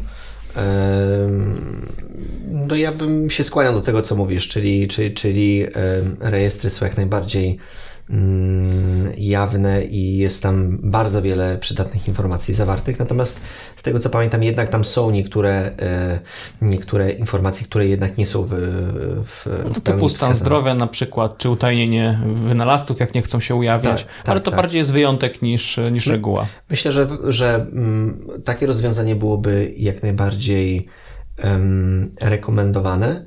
Natomiast trzeba byłoby się zastanawiać nad jakimiś tam niektórymi wykluczeniami, tak jak rozmawiamy, prawda? No oczywiście nie wszystko, bo to wszystko, no jestem w stanie zrozumieć, że jak przekładam e, wniosek o przywrócenie terminu dlatego, że akurat moja wstydliwa choroba się tutaj tak. aktywizowała, to może nie chciałbym, żeby cały świat mógł wejść i wiedzieć, że e, Dokładnie. ten pełnomocnik czy ten uprawniony cierpi na coś tam.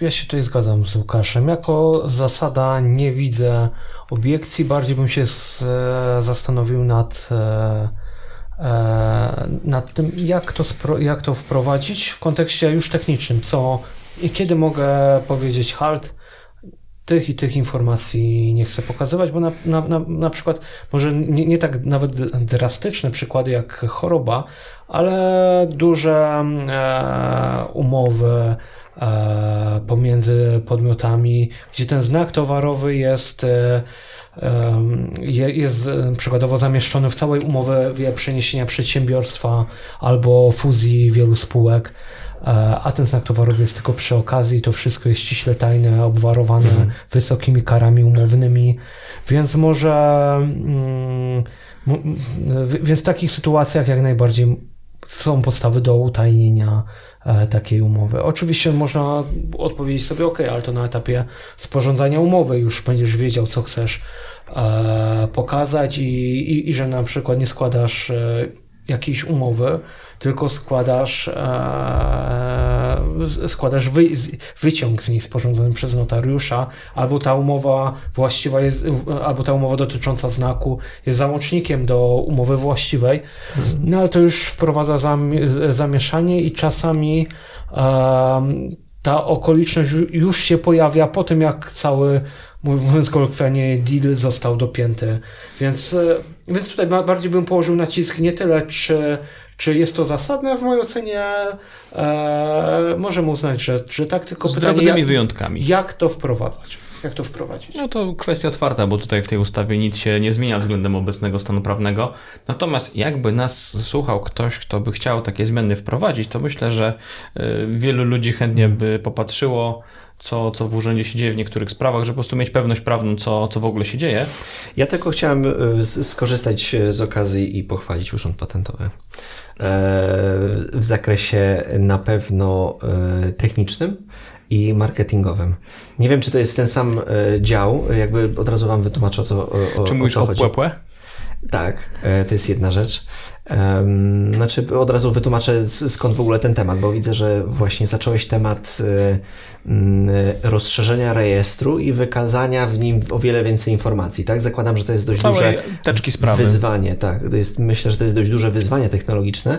Natomiast, y, no i jakby nie mogę sobie y, podarować i muszę tutaj pochwalić Urząd Patentowy, bo jeśli chodzi o kwestie techniczne, naprawdę sobie świetnie działa e, ostatnimi czasy i radzi i marketingowe tak samo. Także jestem, jestem pewien, że jeżeli byłoby takie zadanie, to e, panowie z, z działu informatycznego na pewno by sobie świetnie z nim poradzili. To teraz dla wszystkich, którzy nie piszą tak często z urzędem patentowym jak my, od jakiegoś czasu półtora roku, dwa, jakoś tak w okolicach pandemii to się pojawiło.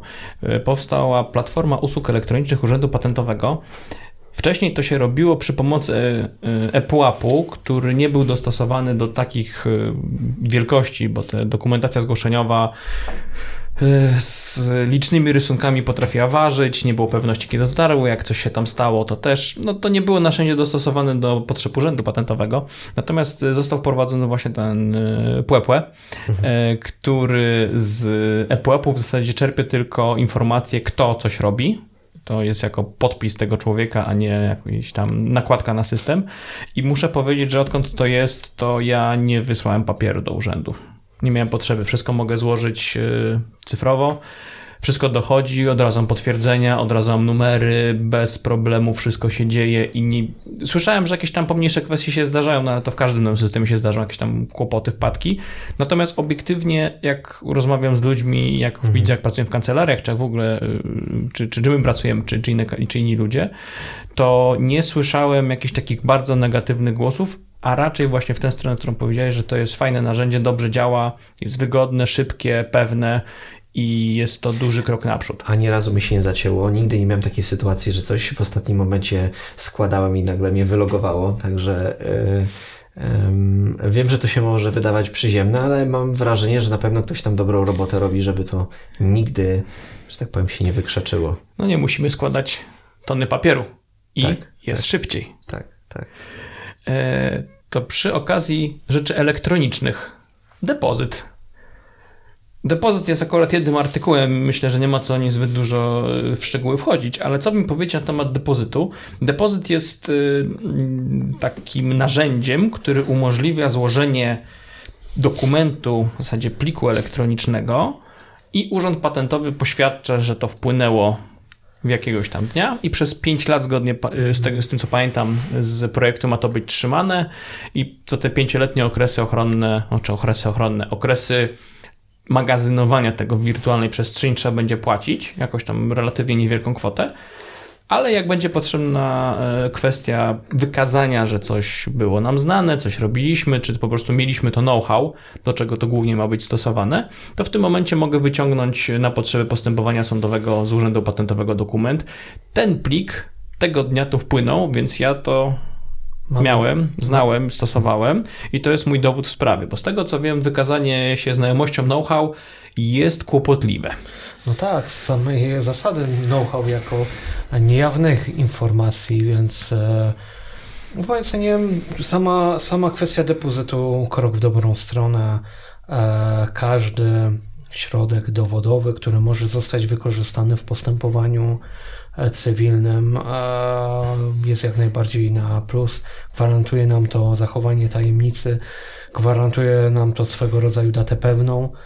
E, przy czym no, no też nie przesądzam e, o tym, że, że e, to know-how się należy koniecznie tej osobie, która złożyła, bo być może która na przykład złożyła pozew, bo być może innymi środkami dowodowymi E, pozwany będzie w stanie sobie wykazać, że jednak on to know-how miał wcześniej, ale, ale jak najbardziej krok w dobrą stronę. Na chwilkę tylko ci wejdę w słowo, bo to jest słuszna rzecz, którą powiedziałeś.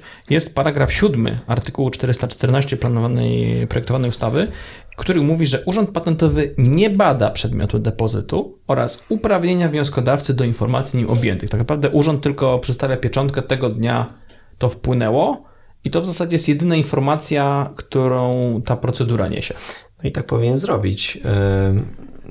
Przepraszam, że się tak e, wetnę, ale z drugiej strony ja niestety muszę Wam powiedzieć, że mm, no nie, nie wróżę temu, e, tej propozycji e, zbyt wielkiej przyszłości, dlatego że ona Przypomina mi bardzo y, inicjatywę WIPO, y, Międzynarodowe Biuro w, z siedzibą w Genewie.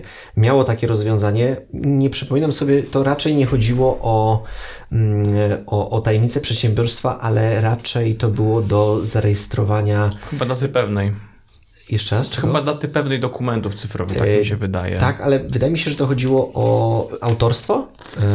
E, autorstwo tak, projektów? Chyba tak. tak. mi się wydaje. Chyba przesyłałeś plik i oni poświadczali swoim autorytetem, że do nas to wpłynęło, wpłynęło w cyfrowo tej dacie, tak. i jest podpis. Czyli na potrzeby na przykład ewentualnego postępowania e, e, można było mieć dokument. Tylko, że niestety jakieś pół roku, a może rok temu e, Wycofali WIPO się. poinformował, że się wycofali z tego. Najprawdopodobniej dlatego, że nie, nie było takiego mm, odzewu i oczywiście zastanawiam się skąd była taka, był taki, mm, taka decyzja rynku, E, No bo szczerze mówiąc, to na papierze to wyglądało ba- jako bardzo fajny projekt, dlatego że nie trzeba było za to płacić, tak? No bo alternatywnie można pójść na przykład do e, notariusza, tak? Ale I- przy dłuższych dokumentach Tak. to notariusz, nie pamiętam czy tam była opłata 100 czy 500 zł, natomiast niezależnie od tego ile to było, myślę, że notariusz przy set Tak, stronach na pewno by wziął więcej, zająłby to dłużej i trzeba by to jeszcze trzymać.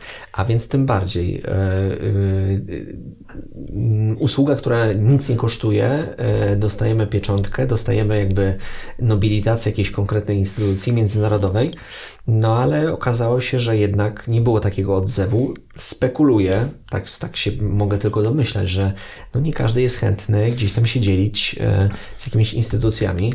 Mm, W tym wypadku tu jest międzynarodowa instytucja. Pytanie, czy ja będąc jakimś lokalnym przedsiębiorcą, załóżmy w, w Kielcach, tak, czy nie wolałbym jednak się przejść do notariusza, którego znam e, i zostawić u niego to swoje know-how, niż wysyłać do jakiegoś e, internetowego depozytorium e, Urzędu Patentowego w Warszawie, który nie, w którym nie wiadomo osoba będzie, obiecuje, że nigdy tam nie zajrzy e, i tak dalej. Także Według mnie to jest y, co najmniej neutralna, jeśli nie pozytywna zmiana. Nie musisz z tego korzystać, masz notariusza, z którego możesz od zawsze skorzystać, z jego usług, nie ma problemu. Natomiast masz moc, masz możliwość, masz opcję. Wydaje mi się, że to nie zaszkodzi, być może komuś pomoże i wydaje mi się, że to narzędzie e, ciekawe, wartościowe i fajnie by się było nad tym zastanowić i je trochę rozpropagować, bo na potrzeby e, know-how wydaje mi się wartościowe. zmiana, fajna, e, ale tak jak mówię, niestety nie, nie wróżę mm, sukcesu. Czy jesteś czarnowidzem w tej kwestii? Tak. Okej, ja, ja bym powiedział, że tutaj języczkiem uwagi może być cena. Bo jeżeli ta cena będzie 500 zł, to ja bym się zastanowił, czy nie zrobić zgłosz- wstępnego, wstępnego zgłoszenia wynalazku. Tylko za 5 lat. E, Okej. E, Gdzie też pokazuje, że a, w tej dacie jako pierwszy miałem to, to know-how. I, e, a de facto mogę tam złożyć prawie, prawie wszystko. Mogę zgł- zgłosić, zgłosić jakąś dysertację naukową.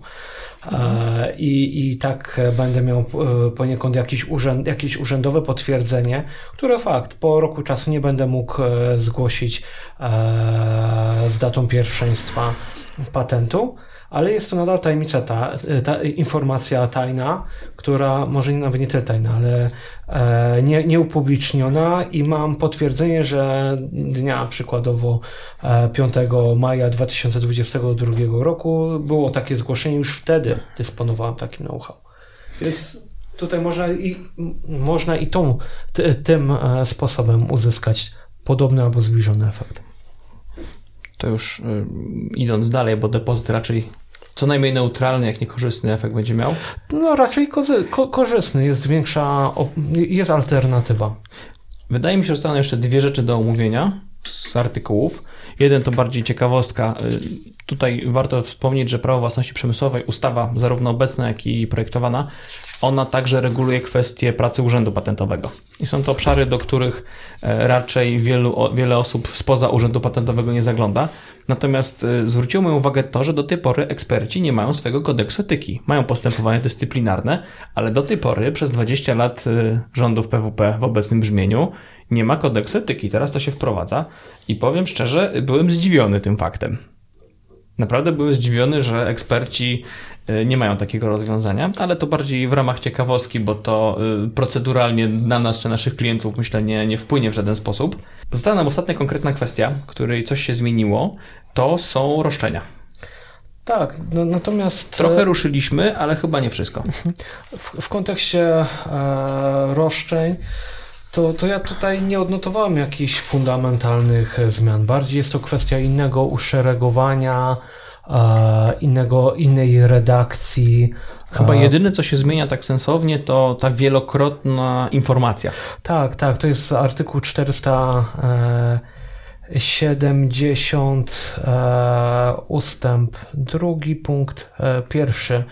Gdzie, gdzie można się domagać jednokrotnej albo wielokrotnego oświadczenia odpowiedniej treści w formie od osoby, która naruszyła e, prawo, e, prawo własności przemysłowej.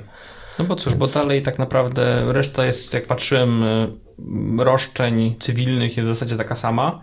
Tam rzeczywiście redakcja mogła się zmienić, plus te zmiany omawiane wcześniej odnośnie wzorów mhm. użytkowych, ale tak, reszta to jest to samo. Przepisy karne są jeden do tak, jednego. Tak, tak, tutaj nie ma I jedyne, czego jestem jeszcze, ciekawy, to jak będzie wyglądała ustawa wprowadzająca prawo własności przemysłowej, ale póki co nie ma jej projektu, nie byłem w stanie jej znaleźć i musimy chyba na to poczekać. I cóż. No, no ja też się zastanawiam. E, myślę, że dobrze byłoby, e, aby vacatio legis było co najmniej roczne. To skoro y, pracowicie przejrzeliśmy 498 artykułów nowej ustawy, to teraz moje pytanie zamykające. Skoro znamy cele ustawy, czyli żeby było szybciej, żeby zachęcić, czy uważacie, że te zmiany wprowadzone w tej ustawie rzeczywiście przyczynią się do tego, żeby było szybciej, żeby było bardziej zachęcająco dla przedsiębiorców, czy po prostu jest to zmiana, no jest zmiana, jest korekta redakcyjna, jakieś takie drobne zmiany, które nie zmienią życia przedsiębiorców w sposób znaczący? Niektóre zmiany są na plus. Widzę wiele inicjatyw, żeby wyjaśnić niektóre kwestie, takie nie do końca doprecyzowane. E, widzę takie inicjatywy harmonizacyjne i to jest ok. Nawet w niektórych miejscach bym poszedł e, dalej i jeszcze bardziej uprościł e, ustawę. Natomiast jest też parę kwestii, które, które wydają mi się być zupełnie nietrafione, tak jak na przykład e, wzory użytkowe mm, w postępowaniu wyłącznie e, rejestrowym. E, I mam nadzieję, że ustawodawca zainwestuje tyle samo energii w, w inne inicjatywy krzewienia innowacyjności w naszym, w naszym społeczeństwie, w jakichś dofinansowaniach dla wynalazców, krzewieniu wynalazczości, a nie w ciągłej nowelizacji przepisów. Ja też e, nie mam tutaj jednoznacznego akurat stanowiska co do tej ustawy. Są, e, są zmiany na plus, są zmiany, które są zmianami na, na, na minus. Na pewno jest, e, ta, ta ustawa jest na początkowym swoim etapie i może ją bardzo istotnie zmienić, szczególnie te, te kwestie, które E, wskazaliśmy jako zagrożenia, szczególnie w kontekście właśnie wzorów e, użytkowych. E, natomiast gdzieś przez cały czas się zastanawiałem, czy, czy do wprowadzenia tego rodzaju zmian należy zmieniać całą ustawę na nowo, czy nie wystarczyłoby po prostu wprowadzić nowelizacji obecnie obowiązującej ustawy i nie znalazłem e, jednoznacznej odpowiedzi. Na plus e, takiej całościowej zmiany jest okoliczność, że dojdzie do uszeregowania poszczególnych instytucji, do określenia i powiedzmy za 5 czy 7 lat z tego tekst, na tym tekście będzie się lepiej pracowało. No z dru- z dru- co do zasady powinno się lepiej pracować. Z drugiej strony poprzednia ustawa już też obrosła trochę orzecznictwem, praktyką i, i osoby, które które stosują tą ustawę i które z nią się spotykają, wiedzą, czego się spodziewać po określonych sytuacjach, określonych przepisach, jak je wykładać, więc to w krótkoterminowo e, lepiej byłoby w mojej ocenie wprowadzić nowelizację poprzedniej ustawy. Natomiast długoterminowo rzeczywiście taka nowa całościowa regulacja, o ile będzie ona oczywiście przemyślana i wybiegała w przyszłość, e, byłaby na, na plus. No dobrze, to w takim razie ja Wam bardzo dziękuję. Ze mną dziękuję. był Michał Głazowski. Dziękuję również. I Łukasz Zieliński. Dziękuję serdecznie. Do widzenia. Do widzenia. Myślę, że już sam czas trwania naszej rozmowy świadczy o tym, jak dużo ciekawych tematów jest do poruszenia. W projekcie ustawy jest wiele rozwiązań, które są rozwiązaniami dobrymi. Jest wiele doprecyzowań już obecnych przepisów, jest poprawa redakcji wielu artykułów ustawy. Dodanych jest też kilka nowinek, które moim zdaniem są warte uwagi. jednak wstępne zgłoszenie wynalazku czy rejestracja wzorów użytkowych te dwa rozwiązania w obecnej postaci nie sprawiły, żebym zapałał do nich ogromną sympatią. Należy jednak pamiętać, że to jest tylko projekt ustawy, jeszcze będą liczne posiedzenia komisji, konsultacje społeczne, czytania w Sejmie, poprawki Senatu, więc to, co teraz mogliśmy omówić, jaki projekt widzieliśmy, może być kompletnie różne od tego, co ostatecznie zostanie uchwalone. W tej chwili jestem raczej pozytywnie nastawiony do ustawy. Wydaje mi się, że jest to dobra zmiana z tymi dwoma głównymi zastrzeżeniami. Natomiast patrzę pozytywnie w przyszłość i mam nadzieję, że będzie to dobra ustawa, która nam kolejne lata będzie służyć. Zapraszam do obserwowania mojego fanpage'a na Facebooku, nazywa się Znamienny Tymże. Zapraszam też na mój profil na LinkedInie. Chętnie posłucham przemyśleń i komentarzy odnośnie projektu nowej ustawy. Nazywam się Oskar Gińko, jestem polskim i europejskim rzecznikiem patentowym, a to było IP dla Twojego biznesu.